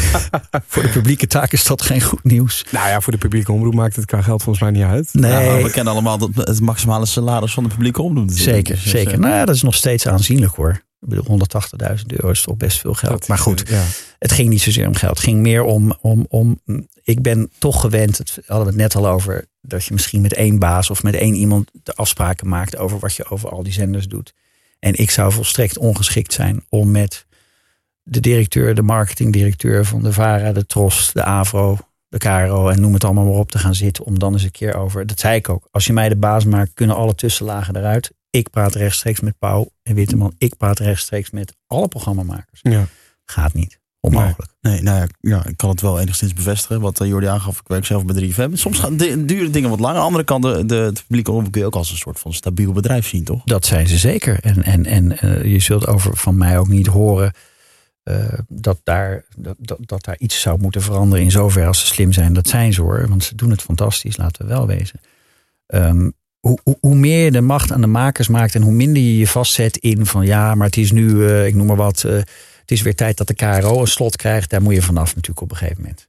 Je moet gewoon, dat, dat, dat, die hele groep moet gewoon één publieke omroep worden, zou ik zeggen. Maar en, en met, met nauwelijks onderscheid, misschien iets van profiel aan de achterkant. Maar er moet een kijker helemaal niet meer lastiggevallen worden. Je, je mag geen politieke bedrijven volgens mij daar bij het programmeren. Het beste programma en het meest informatieve programma ik vind het wel eens jammer, er worden fantastische programma's uitgezonden op, op NPO 2. Maar ja, moeilijk te vinden soms. Maar hoe belangrijk uh, is, was de publieke omroep voor de commerciële? Heel belangrijk. Um, de publieke omroep is überhaupt heel erg belangrijk. Alleen je moet wel erkennen dat, onderkennen, dat hebben wij ook gedaan. Dat wij, dat ze waren natuurlijk, eigenlijk zouden wij helemaal geen concurrenten van elkaar moeten zijn. Als je heel eerlijk bent en nu even terugkomend op teruglopende televisie, kijktijd en dingen eigenlijk zijn de NPO, SBS en RTL natuurlijk helemaal geen concurrenten meer van elkaar. De echte jongens waar je tegen knokt is Netflix, uh, is straks Google, Apple TV, uh, noem maar op. Amazon komt straks een keer, die kunnen het hele bedrijf. Alle bedrijven die ik net noem ongeveer in één keer opkopen, zo groot zijn ze. Dus je hebt echt te maken met een nieuwe markt en daar zullen wij ook allemaal naartoe groeien. En als Nederland een klein onderdeeltje van kunnen zijn. Dus we moeten ons heel goed organiseren. NPO, SBS en RTL zullen gaan samenwerken in de toekomst. Dat kan niet anders. In ieder geval op dat videoplatform hebben ze al geprobeerd met NL Ziet. Nou, op dit moment, het, je noemde net al, de salarisplafond bijvoorbeeld bij de NPO, geloof 180.000 daar in ieder geval. Ja. Um, ja, dat, dat kun je natuurlijk ook wel bekritiseren. Want uh, iemand als John de Mol, je hebt zijn naam vaker genoemd, die, die koopt nu wel letterlijk gewoon ook alle grote talenten. Als, en dan kijk ik echt vooral even naar radio, hoor, want dat, ja. daar weet, weet ik nog meer van. Uh, die ko koopt ze gewoon letterlijk weg. Gerard Ekdom, ze gaan allemaal, worden ze weggekocht. Ja, ik, ik, dacht, nou komt er een opzomming. Gerard Ekdom en dan gaan we nog even door. Nou, Koen en Sander zijn ooit uh, Ja, maar dat is alweer jaren geleden. Giel Belen. Ja, ja, ik had het idee dat hij ook wel een beetje weg uh, werd ja. gepromoveerd bij 3FM. Dus ik was, denk dat hij, ja, en dat was zonder een goede radiomaker, vind ik. Maar, nou, nou ja. Als, als John de Mol wil, zou willen, dan kan hij het doen. Ja, maar het ligt ook aan die mensen. Ik bedoel, John de Mol kan één zijn, maar John de Mol koopt nooit zomaar iets. John de Mol denkt na over waarom hij iemand wil hebben of iets wil hebben. Want hij had inderdaad, zoals je zegt, misschien alles kunnen kopen, maar dat doet hij niet. Hij is heel bewust bezig met het bouwen van dingen. En, en ik, ik, ik denk wat dat betreft ook, als ik heel eerlijk ben, je hoeft niet altijd mensen, niet alle mensen zullen gevoelig zijn voor geld. Ik moet eerlijk zeggen, ik heb, ik heb heel vaak in mijn tijd dat ik bij RTL zat, een stap kunnen zetten dat ik het vier, vijfvoudiger zou gaan verdienen wat ik bij RTL. En ik heb het nooit gedaan, omdat ik, ik was bezig met iets, daar geloofde ik in. Ik was vooral bezig met mensen werken, met ontzettend veel plezier.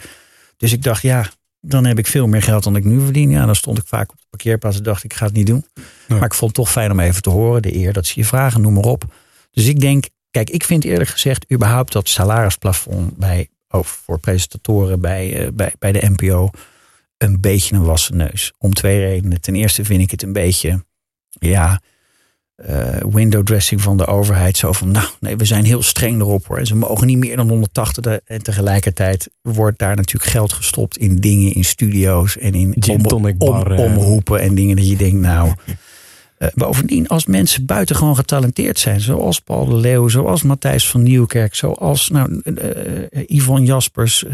waarom zouden die mensen dan niet iets meer mogen, mogen verdienen? Ik denk niet dat iemand daar een groot probleem mee heeft. Dat geloof ik niet. Dat, wordt, dat moet natuurlijk niet de spuigen uit de aard lopen. Maar je moet, je moet daar iets anders naar kijken. En het tweede is dat ze het natuurlijk aan alle kanten omzeilen. Dus ze kunnen het allemaal wel zeggen, maar dan doen ze het toch via anderen. Dus de, de helft van de presentatoren begint daar zijn eigen productiemaatschappij. Wat Ja. denk je, waarom ze dat doen? Ja, Ja, slim. Hey, Ja. wij, wij, eh, Ruben en ik krijgen nu eh, natuurlijk een, eh, een kijkje als leek in, eh, in die televisiewereld. Eh wij hebben ook eh, de vraag gesteld aan onze, aan onze luisteraars, onze volgers. Van joh, eh, heb je een vraag voor Erland? En ik, ik denk dat deze qua kijkje in de televisiewereld daar wel mooi op aansluit. van, van Henk, die stelt hem ook zelf. Hoi, hier Henk. Ik was wel benieuwd, hoe ziet de dag eruit van een zenderbaas? Ehm, ja, ik ben denk ik een heel slecht voorbeeld van hoe een dag van de zenderbaas eruit ziet. Ik had, het- nou, ik had het altijd zo geregeld. ehm, dat vonden sommige mensen helemaal in het begin. Ik heb het altijd zo gehad, ook toen ik geen zenderbaas was, haast ik me te zeggen. Eh, in de ochtend eh, wil ik graag mijn kinderen naar school brengen, vind ik belangrijk. Ehm, dan wil ik sporten, vind ik ook belangrijk, vind ik leuk om te doen en vind ik prettig. En dan daarna heb ik even tijd nodig om alles te zien wat er allemaal binnenkomt. Want dat is veel, dat gaat hard. Van montages tot en met scripts, van afspraken tot en met, nou, you name it. Dus ik was eigenlijk altijd heel laat op kantoor. Ik ben ook een man die weinig achter zijn bureau zat. Ik was ja, onderweg, praten met mensen, ideeën aanhoren, zelf ideeën initiëren, daar partijen bij zoeken. Eh, ja, gewoon, ik, ik was een soort, eh, eh, zeggen ze dat, playing coach of zoiets. En, ehm, dus ik zat weinig eh, vast achter mijn bureau. Dus ik, om dan antwoord te geven op Henk, ik was vooral bezig met het creëren van nieuwe dingen. En één keer in de week zat ik heel lang achter mijn bureau. Dat was op vrijdag. Dan zat ik om een uur of twaalf, werd wel eens één uur of soms zelfs twee uur. eh, zat ik ehm, met het hele team, man of zeven, acht. En dan namen we alle schema's door en alle programma's en alle inhoud. En daar zaten we echt de hele dag. En één keer in de maand deed ik dat voor alle zenders. Dan deden we een hele dag op de hei en dan deed ik alle inhoud.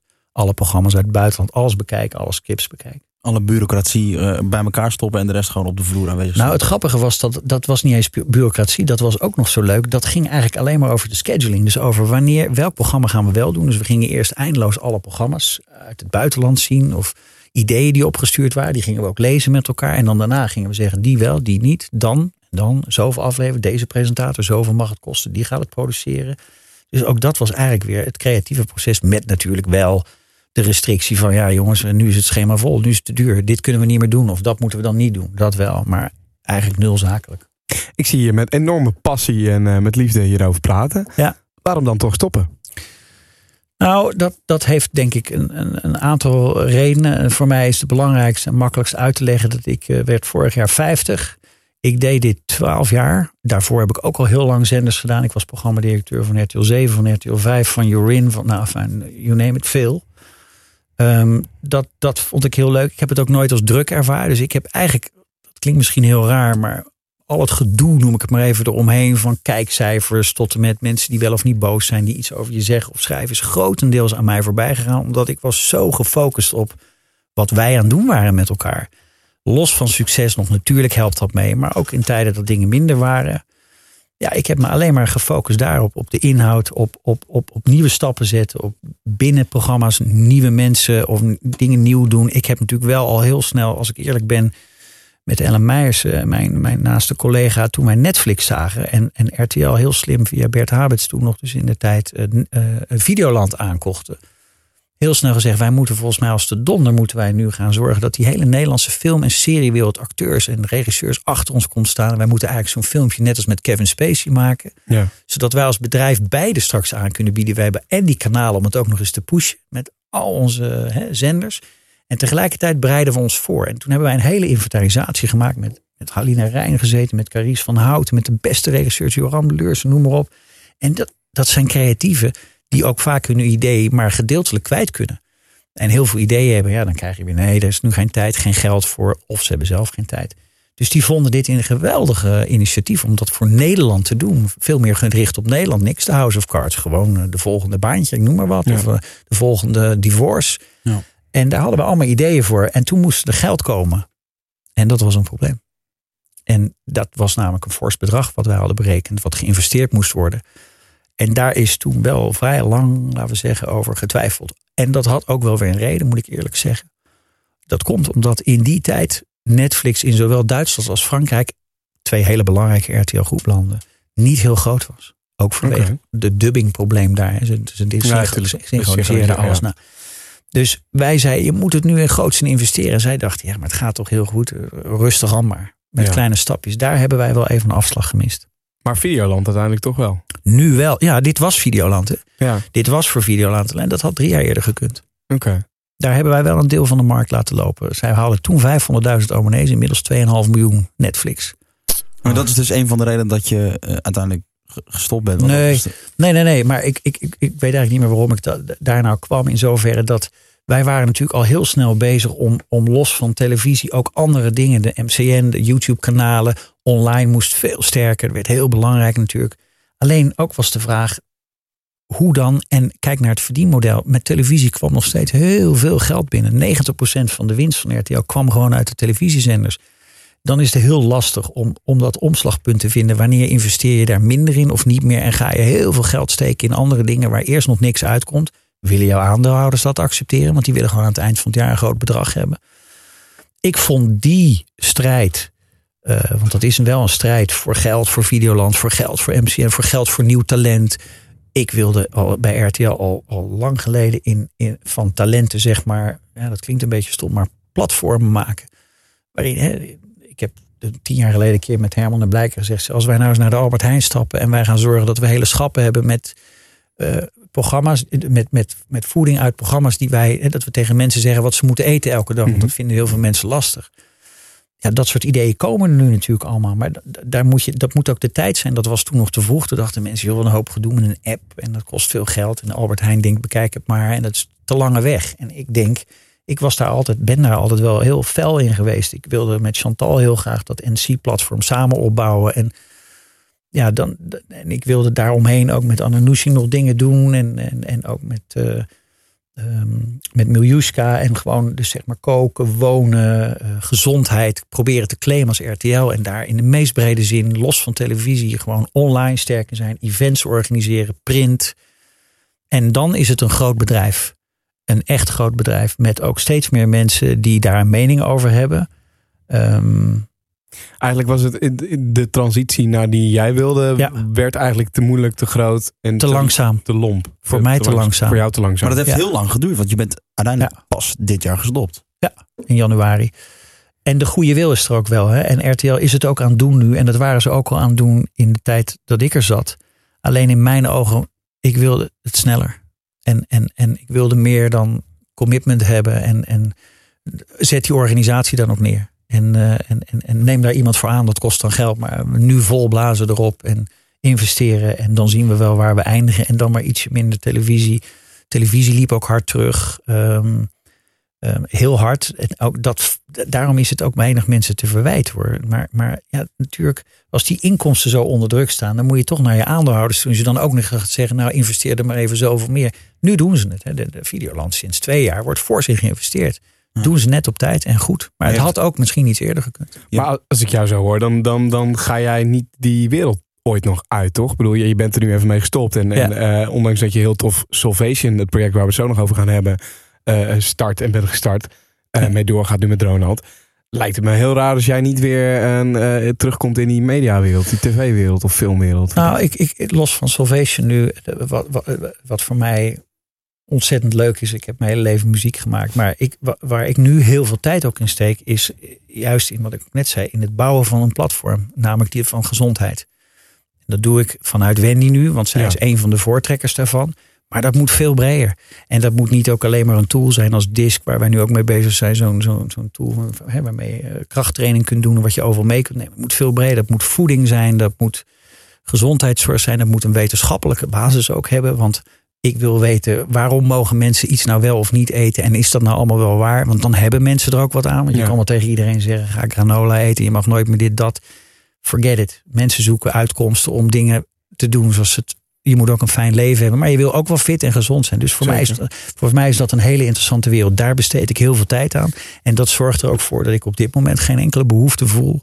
om terug te keren in die mediawereld. Ik, vraag me sowieso af, want dit wilde ik eigenlijk eh, aan het begin van de podcast vragen. Maar toen, je, toen je vertrek aankondigde, toen had je ook zoiets van... Nou, ik, ik heb de 21 jaar in die wereld uh, gewerkt. En nu ga ik gewoon vanaf de bank naar RTL zitten kijken. Lukt, dat, lukt dat een beetje? Nou, ik moet eerlijk zeggen dat ik uh, me ook schuldig maakte aan het feit... dat ik heel weinig meer op de bank televisie zat te kijken. Dus daarom begreep ik al vrij lang, net als velen met mij... dat, er, dat je niet meer zo snel live televisie op de bank een hele avond zit te kijken. De kijktijd gemiddeld is nog steeds geloof ik drie uur.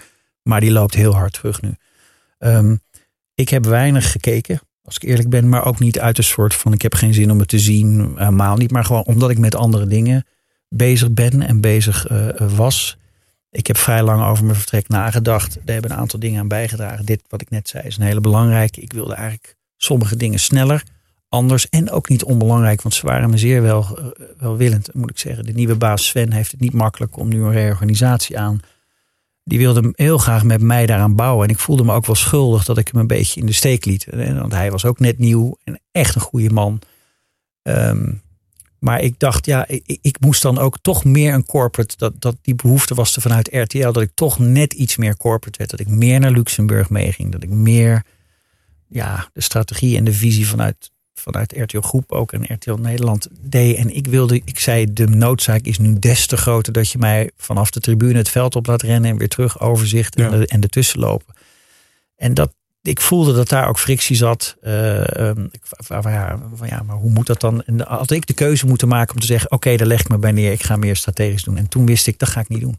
Want dat ben ik ook niet, dat is mijn kracht niet. Dan moet ik echt die boord in. En dat is niks voor mij. Ik ben geen man van boord, ik ben geen man van, uh, van pakken. En dan moet je in die laatste maanden ook nog beslissingen als een, een late night gaan maken. Ja, dat was een veel langer proces. Kijk, dat heb ik natuurlijk wel een beetje gevolgd, wat er allemaal over gezegd is en hoe dat tot stand kwam. En dat het allemaal veel te lang geduurd heeft. En um, ja, dat is onzin, uh, durf ik te beweren. Om, om de dood eenvoudige reden dat als ik, ik, heb met Umberto en dat groepje, Carlo, uh, Carlo uh, van Liende, hebben we dit ooit opgezet. En het begon niet eens zo succesvol. Sterker nog, het had het heel moeilijk. En ik heb eigenlijk na twee weken gezegd, we gaan ermee door. Tegen de wil van velen. Maar ik zei, ik geloof erin. En als we nu dat signaal niet afgeven, wordt iedereen onzeker. Daarna heeft het zijn grootste succesvolle periode gekend. Een jaar of twee, drie. En daarna werd het minder. Een stuk minder op een gegeven moment zelfs. Daar kwam ook de kritiek. Uh, dat is logisch, dat hoort bij televisie. Als je niet, uh, mijn baan geldt hetzelfde voor, geldt ook voor Humberto. Hoe naar dat ook is, je, weet dat mensen daar iets over gaan zeggen. Dat zal ook soms heel onterecht of onaardig zelfs zijn. Maar ik vind dat je daar moet proberen zo min mogelijk aandacht aan te besteden, omdat je, je moet focussen op wat je aan het doen bent. Uh, dat heb ik ook altijd gedaan. Ik heb naar Late Night gekeken als, even los van Humberto zelf. Wat betekent dat nou in het landschap? Ik vond dat het wat veranderde vind ik nog steeds. Het heeft daadwerkelijk de late avond veranderd in sfeer. Een heel belangrijk onderdeel, om maar eens wat te noemen, wat jullie ook zo aanspreken. En dat sprak mij in ieder geval aan. Echt ruimte geven aan muzikanten en aan muziek. In Geen plaats, minuut, uh, nee. In plaats van een minuut 30 seconden of uh, doe maar liever niet zingen, want dan gaat iedereen weg. Dat is een misvatting. Als je een goed verhaal hebt. En nou ja, het is niet voor niks dat de hele wereld daar kwam van Ed Sheeran, uh, ja. Pharrell Williams. Ik hoef het jullie niet uit te leggen. Coldplay, iedereen zat er en iedereen was er ook welkom het feit dat je een host hebt die ook durft te dansen, die alle talen spreekt, die, die zich verbreedt, die geïnteresseerd is in natuurfotografie, noem maar op. Dat kun je verwijten. Op het moment dat het niet goed gaat, wordt dat gezegd van ja, maar hij doet van allerlei dingen en hij doet reclames. En op het moment dat het goed ging, was dat eigenlijk niet zo'n probleem. Was het een hele veelzijdige man die niet net als de rest allemaal erg uh, op, op zat van ja, maar u heeft toen dit gezegd. Ja, maar heeft, dat was er namelijk al. En dat was er al heel goed bij Nieuwsuur. Dat was er al heel goed bij Pauw. Daar was de vraag niet, daar was de behoefte niet. Zo heb ik altijd gekeken naar het programma. Ook toen het minder werd. Overigens heeft Humberto heel lang ook in de voor ons interessante doelgroep van die jongere kijkers die weglopen, was die vele malen populairder dan Jinek en Pauw bij elkaar. Tot, tot dit jaar zelfs nog. Maar wie is dan degene die tegen Humberto heeft gezegd: uh, ja, sorry, maar het is toch einde ik, verhaal? Ik. Maar waarom dan? Nou, omdat uh, uh, soms de, nou ja, je ook gewoon ingehaald wordt door de realiteit. Kijk, de, de kritiek die er is geweest, die was natuurlijk vaak heel persoonlijk, heel naar, ook heel erg op de man en heel erg, vond ik oneerlijk, smakeloos ook over zijn wel nog niet relatie met Dionne. Er zijn eindeloze stukken geschreven. Sommige kranten maakten zich schuldig aan tien stukken in een week. Dat ik dacht, jongen, jongen, jongen. Maar oké, dat hoort er dan ook allemaal bij. Dat nam niet weg dat er wel wat aan de hand was bij het programma. Ehm, dat had ik natuurlijk ook al lang gezien. En ik niet als enige, maar bij RTL. En dat is op zich niet zo vreemd. Ehm, hij is de enige man, los van Van Nieuwkerk, maar hij is een van de, de enige man die het helemaal alleen moest doen. Maar hij deed ook nog eens het hele jaar op een gegeven moment. Echt het hele jaar. En ehm, met korte pauzes, nou, de afgelopen zomer dan een pauze, maar het jaar daarvoor deed hij dit ook nog. En dat is veel. En als je dan ook nog eens een keer zo succesvol bent ehm, en het zo goed doet en eigenlijk alleen maar, hij won iedere prijs en overal werd hij geïnterviewd, hij was de man. En dan kan ik me ook voorstellen dat er zowel bij redactie, zender, ook de hand in eigen boezem en presentator toch iets is van, oh, dat gaat wel goed, we weten wel hoe het moet. Nee, die gast die nodigen we niet uit, die wel, ze komen toch wel. En vaak gaan dat soort dingen onbewust. Dan, dan sluipt er toch een soort van misschien gemakzucht. Misschien vernieuw je net te laat. Misschien ben je te bang om dingen te veranderen. Hou je vast aan dingen en dan kan het ineens heel snel gaan. Zeker als anderen ineens dat wel doen. Dus je hebt natuurlijk heel goed kunnen zien hoe Jinek, uh, een geweldig getalenteerde vrouw, hoe, hoe, hoe snel die gekeken heeft naar waar de behoefte aan was en inspeelde op dat wat Humberto nog niet deed of minder goed in was en waar zij wel goed in was. En dan voegde zij dan iets aan toe. Dat werd haar succes ook. Het maakte haar ook weer uniek. En dat proces, dat is kennelijk te laat onderkend. Of in ieder geval, het is wel onderkend, maar het was heel moeilijk om dat aan te sturen en bij te sturen. Want dan is het alternatief er ook al. Hè? Dus dat is best lastig. Kijk maar naar Pauw en Witteman. Dat waren de koningen. En toen Humberto helemaal op stoom kwam, waren ze ineens weg. Bij wijze van spreken. Hoe, ga, hoe, ga, hoe gaat het dan, dan in zijn werk? Je moet dan nou, zoiets aan, aan Humberto gaan vertellen. Hoe gaat nou, dat? wat mij wel gestoord heeft, is de hele discussie. Daaraan zie je dat de mensen die er veel over zeggen en schrijven, weinig verstand hebben van die processen, hoe ze daadwerkelijk gaan. En los van menselijkheid. Als jij een dagelijks programma maakt met een redactie, dan kun jij dat niet even van de buis aftrekken. Even, die, die schema's die worden gewoon maanden van tevoren uh, gedaan. Als jij een alternatief moet hebben, iemand die Humberto zou gaan vervangen, dan moet diegene beschikbaar zijn. Nou, probeer jij maar eens iemand te krijgen die zegt: Nou, ik kom dagelijks opdraven, ik laat mijn baan zitten. Of ik kan opzeggen, want vaak hebben ze contracten. Of ze hebben een ander programma. Er is wel eens over Bo gesproken natuurlijk. Ja, die deed gewoon Boulevard. Had ik een groot belang bij dat hij daar bleef staan. Dus je kunt wel zeggen, kijk, Umberto is vorig jaar, ik weet het nog heel goed, in het voorjaar iets minder gaan scoren. Toen hebben we die zomer natuurlijk alle, alle hens aan dek en uh, goede gesprekken gehad. We gaan dit jaar, en dus in scores in, in de doelgroep nog maar, was het prima.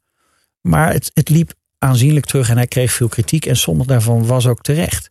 Dus toen hebben we gezegd, we gaan het anders proberen te doen. Dat lukte niet. Maar dan nog heb ik me gecommitteerd aan dat jaar. Ik kan niet midden in een jaar even iemand op straat zetten. Zo werkt het gewoon niet. En ik wil het ook niet. Ik, ik ga het niet doen. Nee. In de tijd dat ik er zit, heb ik zelden of nooit, corrigeer me als ik verkeerd zit, ingegrepen tijdens een serie. Zel, misschien in het begin nog wel eens, maar later nooit. Maar hoe slecht het ook ging, ik liet het staan. Ik dacht, dat is de keuze die ik gemaakt heb. Daar sta ik achter. Daar sta ik voor. Net als voor Umberto. Ze kunnen allemaal zeggen wat ze willen. Hij was een van de weinige late night talkshows host die de, die de ja, late avond heeft veranderd tot op de dag van vandaag.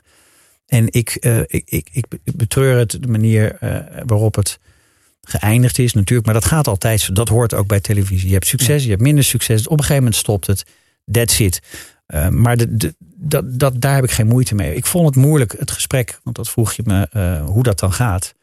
Um, ik heb, ik denk, drie kwart jaar geleden gedacht. Ik weet niet of dit nog goed komt. Natuurlijk alle gesprekken gevoerd met Umberto, de redactie, met iedereen om te kijken of het nog anders kon. En op een gegeven moment ben ik me natuurlijk gaan oriënteren en heb ik gedacht: oké, wie zou dat dan moeten doen? Want één ding is zeker: RTL 4 zal op de late avond altijd een opinierende of goede late night talkshow moeten hebben. Altijd. Kan je nooit meer weggeven. Want wij scoorden ook met Humberto altijd nog vele malen hoger dan wat er daarvoor dat hij was, uh, uh, stond. Dus er is nooit sprake van geweest om iets eraf te halen. Die, mensen hebben geen benul wat dat betreft. Prima. Dus dat moet je zoeken. En ik heb op een gegeven moment bedacht, dat zou Twan Huis kunnen zijn. Dat was eigenlijk toevallig. Hij interviewde mij een keer op een hogeschool. En toen dacht ik, ja, wat doet hij dat goed? Zo zitten in die stoelen en scherp, maar ook wel weer... Ik ben blij dat je dit trouwens aan het eind van deze podcast bent. Ik kan het zeggen, dit voelt bijna als een soort van sollicitatiegesprek. Nee.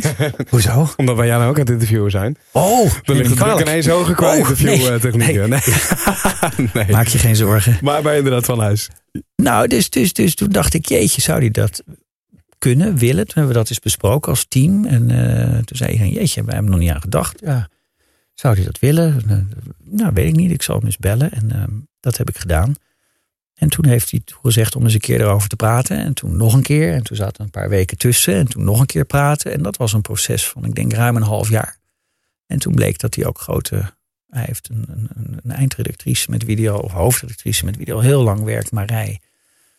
Jans. En daarvan zei hij, ja, als ik ooit kom, dan moet zij mee. Dus toen kwamen de gesprekken met haar. Dus dat is een heel lang proces waar je aan het werk bent. En niet van de een op de andere dag, omdat iets minder scoort. Of omdat er kritiek komt, maar kunt zeggen, dag, doe nee, Maar er is wel een moment dat je dus tegen, tegenover ja. Humberto in een kamertje zit. En zegt van, ja, sorry uh, Humberto, maar... Ja, dat vond ik uh, met afstand...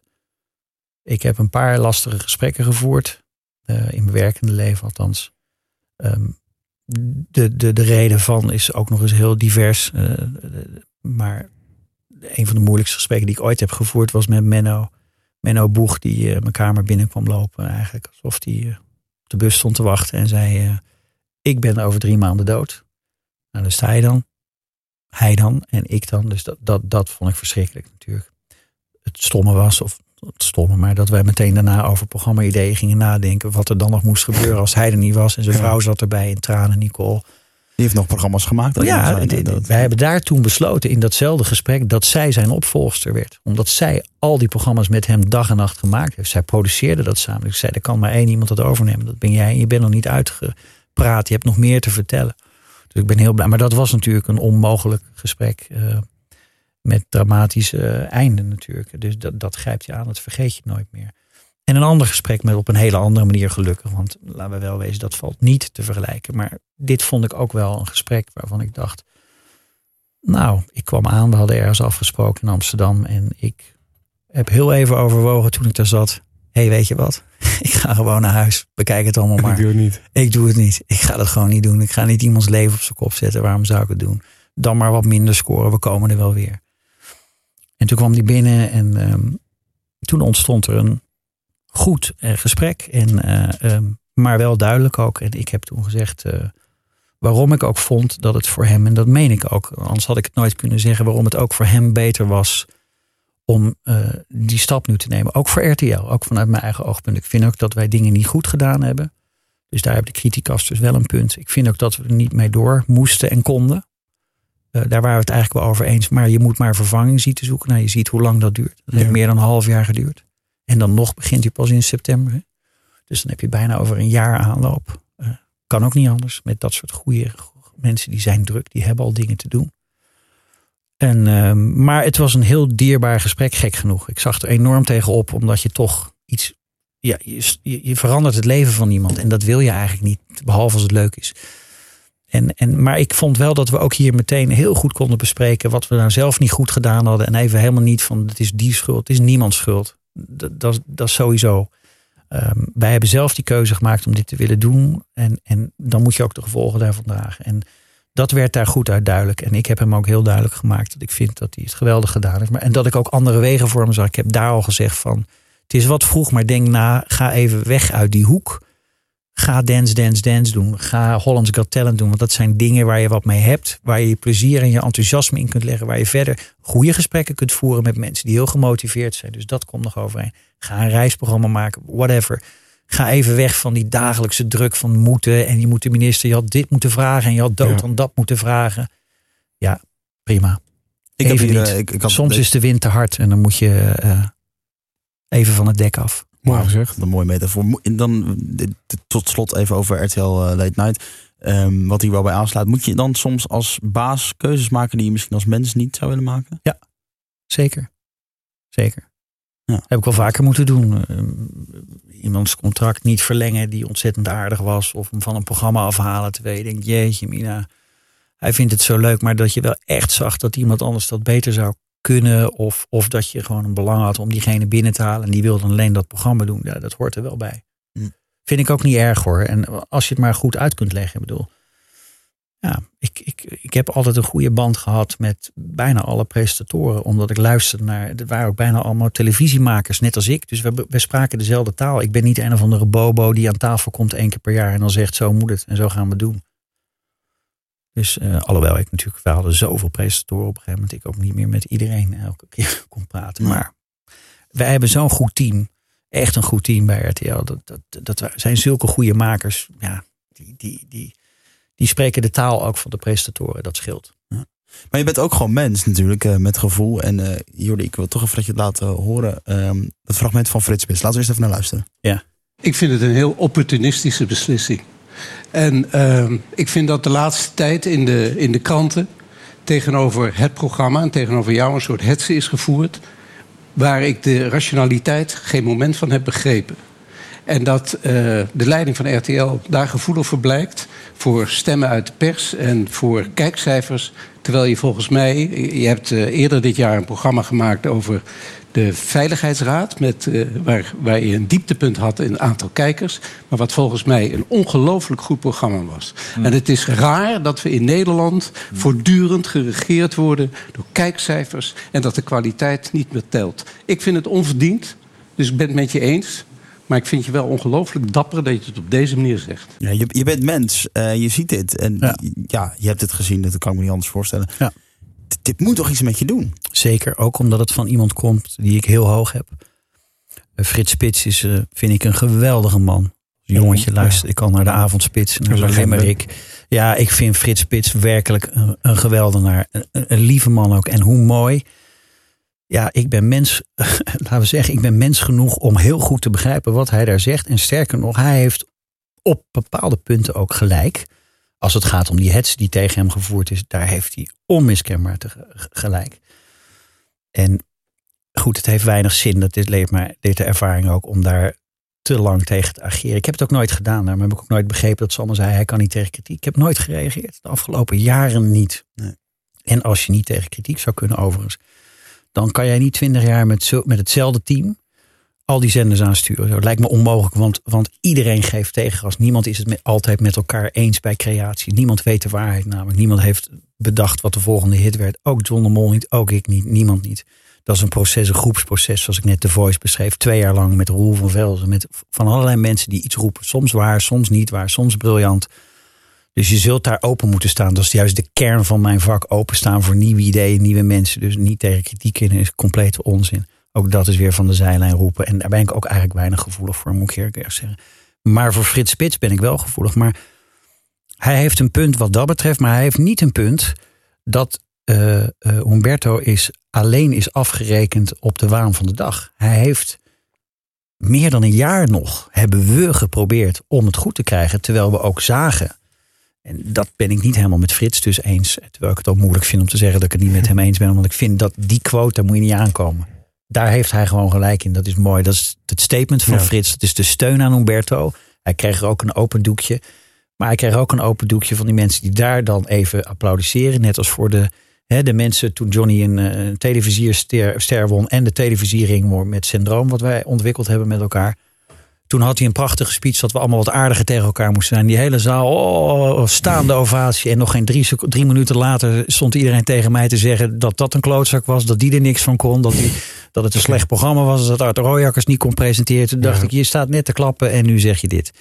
Dus Umberto, het laatste jaar uh, um, hebben wij niet genoeg en snel genoeg geanticipeerd op vernieuwingen op andere wegen gevonden. We hebben te lang rondgedold in hetzelfde uh, ja, vijvertje. En dat, dan moet je daarmee stoppen. Daar kom je op een gegeven moment niet meer uit. Dus daar ben ik het niet eens met Frits Spits. Dat daar te snel geluisterd is naar uh, zeg maar de mening van anderen. Dat is niet waar.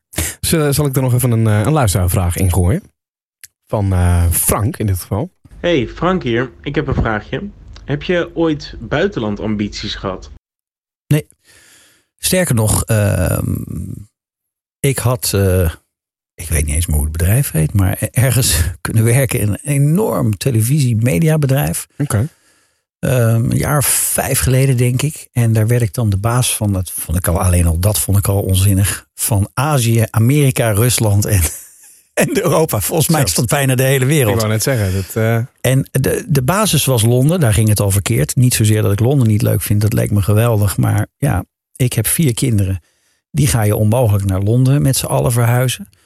Ehm, ik heb een vrouw met een carrière. Nou, daarvan zei ze, dat wisten ze, dat hadden ze gegoogeld. Dit was via een headhunter van, oh, well, she can fly in. We have a big apartment. Nou, weet ik wat. Ja, de headhunter is een, persoon die echt op zoek gaat naar Ja. talenten voor ja, er was eh, een. Britse, eh, dit was een Britse headhunter en die waren bij mij uitgekomen.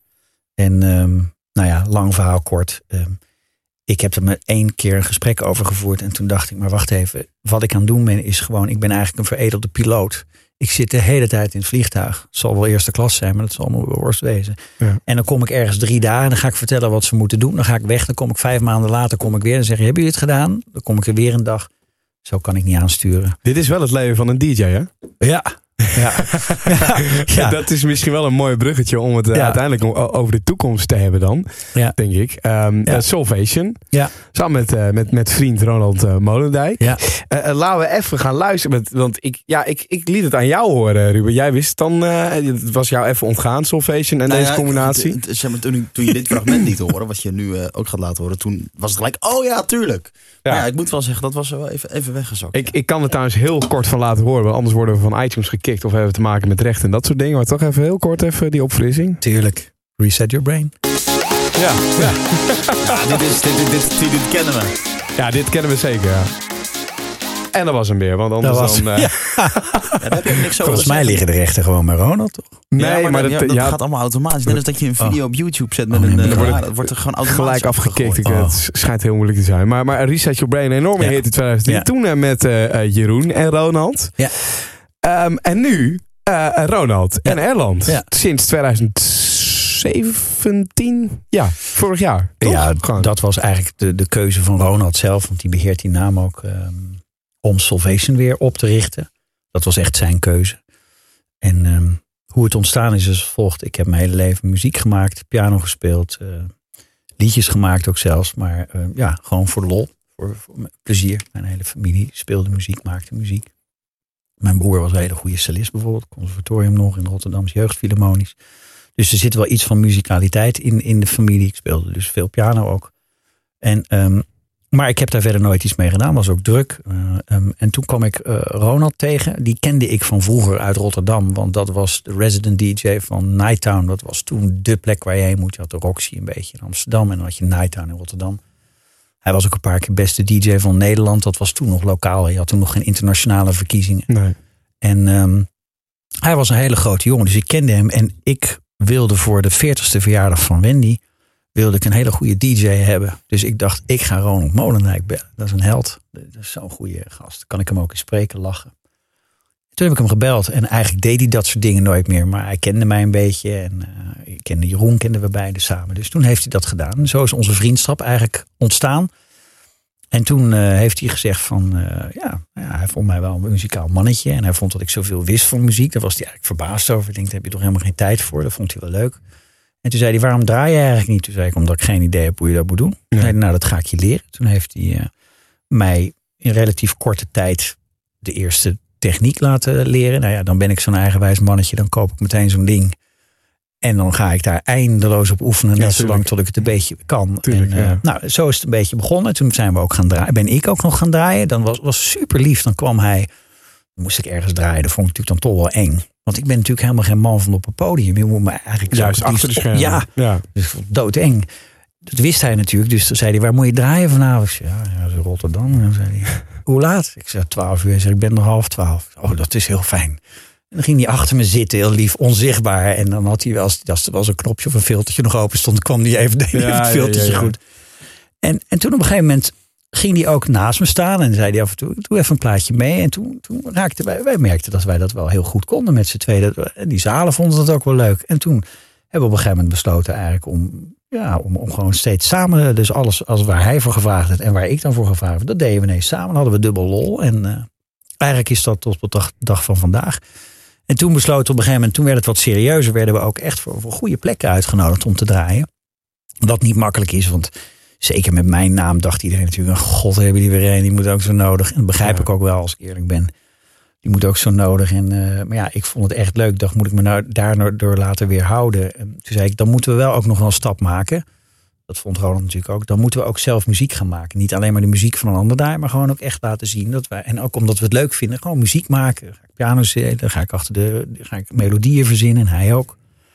En dat zijn we een jaar of drie geleden, twee jaar geleden mee begonnen. Maar ja, ik had het natuurlijk heel druk. Dus dat was af en toe eens een keer een dagje de studio in. Ja. Dat was voor mij ook een van de redenen om te denken. Ik wil dat gewoon eens ervaren en het afmaken en het echt goed doen.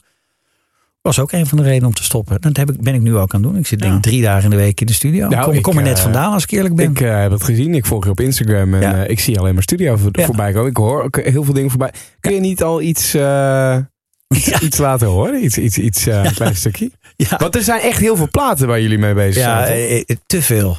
Op een gegeven moment hadden we er iets van 30 of zo. Maar dat zit dan van opzetjes. Maar ik, ik maar, ben- maar moet ik dan ook echt zo zien dat, je, dat jullie het zelf produceren? Of, Ja. of nemen Ja. jullie daar wel Ja. bepaalde mensen bij die jullie Nee, kennen die ook- meehelpen met Ah, produceren? nee, of? het, gaat een beetje als volgt. Soms geven wij een soort indicatie. En dan, dan heb je sommige producers, zoals een Mel Tierra of eh, ehm, Tommy. En afijn, er zijn, er zijn er een stuk of drie. En ehm, daar, daar zitten we dan mee. En dan, dan, dan maken soms zij een opzetje. Soms hebben wij een opzetje. Soms heb ik een pianolijntje. Soms hebben we een melodietje. En dan gaan we gewoon schrijven. Dan gaan we Ja. gewoon dingen maken. En Ronald is iemand die ook de techniek van Logic en eh, allemaal eh, feilloos doet. Ik kan het een beetje, maar veel te traag. Dus daar zitten die editors gewoon eigenlijk zoals een editor zit bij een televisieprogramma ook die dat maakt. Dat doen die jongens. En die verzinnen ook dingen mee. En ik speel vaak dingen in en we veranderen dingen. Dus wij maken die tracks wel echt zelf. Tof. En ehm, Maar Ja, da- dat- daar, daar ligt echt nog wel ook een grote ambitie dan. Er moeten dingen uitgebracht worden. Dat, Ja. eh, Ja, ik ben in zoverre niet ambitieus, ook in mijn werk nooit geweest. Heel gek. Ik word gedreven door de inhoud. Dus ik heb ook nooit gedacht, ik moet nu de baas van dit worden of dat. Eigenlijk heb ik maar één doel met die muziek. A, ik vind het heel leuk om het te doen. Dus heb gewoon echt plezier. Wij komen vandaag weer uit de studio met Paul Power en hebben we twee of drie nummers totaal omgegooid weer. Want dat is een ramp om met mij te werken. Ik, is nooit af natuurlijk. Nee, we, we- we- nou ja, maar ik ben nog veel erger. Dus ik zit dan in de studio echt met mijn arm in de lucht van... ah, dit is goed man, dan rijd ik Ja. weg. En dan hebben we op een stikje gezet. En dan in de auto denk ik, ja, is goed man. En dan de volgende dag denk ik, Helemaal verschrikkelijk. best aardig. En Ja. de dag daarna denk ik, wat is dit voor James Last-achtige rotzooi? Wat zijn we nou aan het doen, joh? en daar worden mensen natuurlijk wel eens moe van. Dus de gulden middenweg is dat... Ronald is natuurlijk een fuck goede producer. Dus die weet precies wat hij wel en niet wil ook. En die weet wanneer hij mij even in het hok moet stoppen. Eh, dus die, die balans is ook heel erg eh, eh, fijn. Maar eigenlijk heb ik maar één doel. zoveel mogelijk op leuke plekken draaien. Dat Nou, is ik zie een bandje van, volgens mij is het Ushuaia. op Ja, je- heb ik met mijn kinderen. Ja, daar heb ik me. moet ik helemaal niet zeggen. Toen mijn dochter, je mag daar pas op je 18 naar binnen, maar mijn dochters. En ik vond het altijd zo leuk. Die, mijn, mijn oudste dochter is inmiddels 22, moet je nagaan hoe lang dat geleden is. Die was toen, oh ja, die was net 18, maar mijn jong, middelste dochter, die was toen 6, 15. En die mocht niet mee. Ja, dat vond ik verschrikkelijk. Dus toen heb ik haar naar binnen gesmokkeld. Nou, dat zou on- ondenkbaar zijn nu, maar toen wel. En, en, en we hebben de avond van ons leven gehad. We gingen ook drie, vier keer eh, per vakantie gingen we erheen. En toen hebben zij zo'n bandje voor mij gekocht van de Ushuaia. Die is echt al vijf jaar oud. Het zijn allemaal bandjes van mijn kinderen. Die eh, doe ik ook nooit af. Dus, dus ja, ik, daar hebben wij gestaan in de Ushuaia. Ja, dat, vorig dat jaar. eens, in het eh, voorprogramma van, eh, van Robert van, van, van Hardwell. En dat was een soort joke. Ik werd 50 en ze hadden bedacht... hoe kunnen we hem nou blij maken? Nou, door op de plek te draaien. Ik wou net zeggen, het zou En je net cadeau zijn. Toen hebben ze, hebben, ze, hebben, ze, hebben ze het management Anna gebeld, die ik een beetje ken. En die heeft heel lief gezegd: van, Nou, ja, dan mogen zij het bal openen. Ja, was Maar dat was toch geen reden om eh, met, met Robert ook eh Hardwell nogmaals in, in de studio te gaan zitten? Nee, ik denk niet dat hij eh, grote behoefte voelt om met Salvation in de studio te gaan zitten. Bovendien maakt hij ook wel echt een heel andere, hele andere muziek.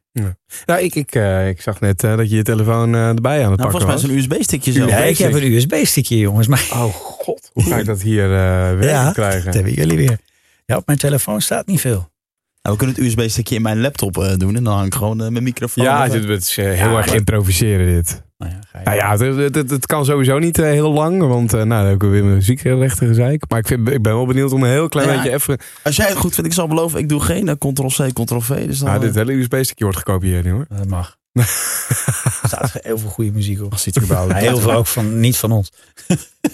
Nou, we hebben het gevonden inmiddels, eh, Ja, denk ik. Hè? het Dit, is, dit, is, dit, is, wel- dit is een primeurtje eh, wat we nu hebben. Hè? Zeker. Is dit, is dit af of, of zit je straks in de auto en wordt het weer compleet omgegooid? Nee, dit is Dit is helemaal, eh, af. Moet nog wel gemasterd worden. Oké. Mini, joh. En en, zit, en master het even voor de, voor de, de leken onder ons. Want daar zijn wij dan weer wat meer thuis. Maar Mars is dat er nog extra sausje overheen gaat. Zodat alles gewoon lekker Ja. bam Gewoon goed... een nou, gepolijste laag. ja, precies. Dat, dat.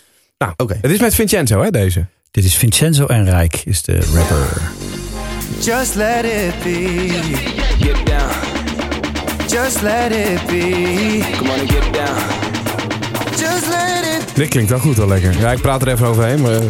just you and me.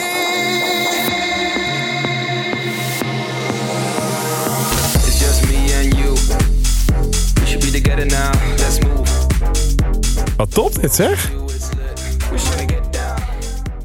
Nou, dan was dat, de- de- was dat gelijk de preview. Maar dit klinkt, eh, dit klinkt heel, erg, heel erg lekker. Hier zit ook nog een heel klein stukje in eh, van Marloes Nova. Die vroeger ook in, eh, in Salvation zat. Zij doet een klein stukje.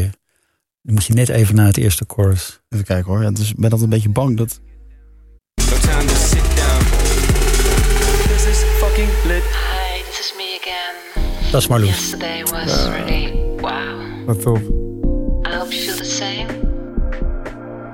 Ah, dit klinkt Ja, goed. Dit is lekker, ja. Zo, ja. Dit, Maar- dit, eh, dit, is, dit is een beetje... Dit, dit is een, een oude sound of zo die weer terugkomt. Ik haal het Beetje USB-stickje echt eruit. oude house. Ja. Zo, even kijken. Wij denken dat daar wel weer behoefte aan is. Maar Nou, dat, Maar eh, dit, dit gaat dan eh, uitgebracht worden, single, of hoe, hoe ziet dat eruit? deze gaat ook uitgebracht worden. Net als More Than Friends. Dus, Een soort... Ja, er komen een stuk of zeven, acht uit. En wanneer moeten we hier... eh, Ergens in augustus komt eh, de eerste. En dan steeds een week of vier, vijf later. Ja, we hebben veel liggen. Dus dan komt er wat uit. En dan wordt het, wordt het dan ook Ushuaia 2018? Nou, dat denk ik niet. Nee? Nee, als daar, ja, daar staat nu volgens mij alleen eh, Martin Garrix eh, van de Nederlanders. Ja. Lijkt mij stug. Dat, maar misschien een keer nog in een voorprogramma. Nou, dat zou het leuk zijn. Maar je zegt de ambities zijn groot. Ehm, Nou, de ambities om, om te spelen op leuke plekken. Dus wij mogen dit jaar Mysteryland draaien. Op het podium van, eh, van Tony, Tony Junior. En wij, eh, die, zag, die zag ons een keer ergens draaien. Die vond het heel leuk. Die zei, hey, willen jullie komen? Wij mogen op Dance Valley draaien. We draaien op de Ark. Dat vind ik echt te gek. dat is we vorig jaar Dat ook is, eh, gedaan. Zo'n cruise schip. Ja, op die eh, boot man. ja. Vorig jaar, dit jaar is met Fateless, met Camel Fat, Kleptone en zo. Ja, dat is Het zijn eh, geen eh, een kleine feest voor namen. ons natuurlijk. En dan staan wij gewoon op de mainstage. Dat kan je toch niet geloven? Dat is toch dat is toch fantastisch. Maar Ja. zou, je- zou je die met die gasten ook een keer dan wel echt in de studio willen? Ja, dat zal ook best wel gebeuren. Nou, niet zozeer met die jongens, maar laten we ons eerst onze muziek uitbrengen, dat mensen het horen. Want anders denken ze, ja, wie zijn die gasten? Althans, Ronald weet ze nog wel. Maar die, die muziek zal moeten spreken. En als mensen dat denken, dat vinden we leuk en inspirerend, we willen iets samen doen, dan zal dat wel gebeuren. Ik eh, ben heel benieuwd. Ik eh, vind het eh, heel tof in ieder geval. En ik denk we dan wel aan het einde zijn gekomen van, van Dummies podcast met, met Erland, jou hier in de studio. Ik denk dat we een stuk wijzer zijn geworden als, als leek zijn, als dummy zijnde in de televisiewereld. Dat is heel anders dan, dan de radiowereld. Dat heb ik in ieder geval wel al een beetje vernomen. Heel Ja. interessant om een kijkje te krijgen in die keuken ook, denk ik. Ik Ja, ben altijd... ik, ik moet zeggen, ja, ik, ik, we zouden hier, dat voel ik aan alles, nog, nog, nog uren kunnen zitten. Maar ja, je moet een keer een punt zetten, zo is het wel. Hè? Ja, want ik heb nou het gevoel dat ik alsnog dingen vergeten ben. Maar ja, nee, ja. Nou ja, ik, ik vond het eh, tof. Ik vond het interessant. Ik vond het hartstikke leuk. En eh, we gaan uh, Solvation in de gaten houden.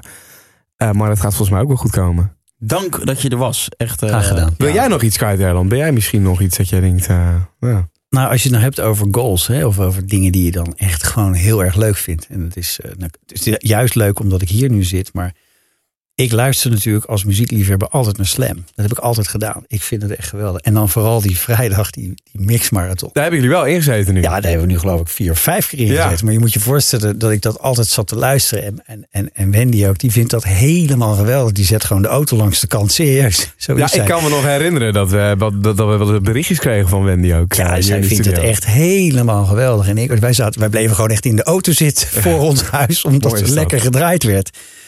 Dus dat, dat zaten we altijd te luisteren. En toen op een gegeven moment, wij, wij, waren, wij wel, werkten veel in de studio met Peter Gelderblom, waar ook eh Trobi zit. Ja. En, en, en Ronnie toen heel veel opnam. En eh, Boas, weet ik veel wat allemaal. Dus wij, wij, wij liepen daar een beetje rond, dingetjes maken met Alex. En toen zei Peter op een gegeven moment, ik zei, ah joh, dat vind ik toch zo te gek man. En eh, die, die mixmarathon, wat is dat dik, wat een goed, wat is dat toch lekker man. En toen zei hij van, oh, zou je daar een keer in willen dan? Ik zeg, ja, zou je daar een keer in willen? Wat, wat denk je zelf? Ja. Hij zei, nou, ik ken er wel iemand, dat vraag. Ik zei, ja, maar dan moeten we wel even... Hij zei, joh, eh, geef maar aan mij en dan eh, gooi ik het in Ableton. En ik zei, nee, niks Ableton, we gaan het live mixen. Dat gaan we zelf doen. Een foutje hier en daar, kan niet schelen. Ik wil het zelf doen. Ja. Dus dat hebben wij gedaan. Maar de eerste keer werd hij teruggestuurd omdat hij te lang was. En omdat sounddingen van Solvation, this is the sound of Ja, ja, ja. zaten. En toen uiteindelijk, ja, toen werd hij een keer uitgezonden. Nou, eh, als, mij ja, zei als, je- een, als een kind zo blij, durf ik te zeggen. Volgens mij zijn jullie wel de enige ook die echt eh, het live mixen. Ja. Dat, eh, heel veel eh, van die sets, eh Mixmartel vrijdag, worden gewoon... eh, Ja, wij gaan echt achter mijn setje in mijn tuinhuisje staan. En er staan wel eens twee. Wij Oh, wat goed, ja. staan een man van 51 en een man van 52. En met het grootste plezier van de wereld Ja, staan die, die mixer te maken. En dan eh, die sturen we dan op. En eh, ik geloof dat hij nu vier, vijf keer is uitgezonden. En eh, voor de komende maand maken we er weer een. Dus, En Pe- Petertje, toch te gek. mooi event. ja, geweldige kerel, Gelderblom, Gelderblom. Die heeft Ja. ook de hele wereld gezien natuurlijk. Ja, als. DJ. Hele goede gast. Nou, nou ja, ik, ik vind het een eh, mooie afsluiting van, eh, van Dummies podcast eh, met Erland Galjaard. En nou, we, we kijken wel weer wanneer we een volgende opnemen. Eh, we zitten nog steeds eh, te plannen met, met Giel van Stuk TV, Ja, dat- omdat ik dat- ook heel erg benieuwd ben naar zijn verhaal. Ja, en dan heb ik wel. ben Goeie ik wel gast. benieuwd, Dat wil ik wel graag. eh, bij deze introduceer ik gewoon een nieuwe onderdeel in onze podcast. Eh, Je zegt Giel de Winter, goede gast. Eh, Ja. je, je mag hem gewoon nu één vraag stellen. En als we hem dan spreken, gaan we deze vraag aan hem voorleggen. Oké. ehm, wat gaat het worden, Giel? Muziek, televisie of YouTube?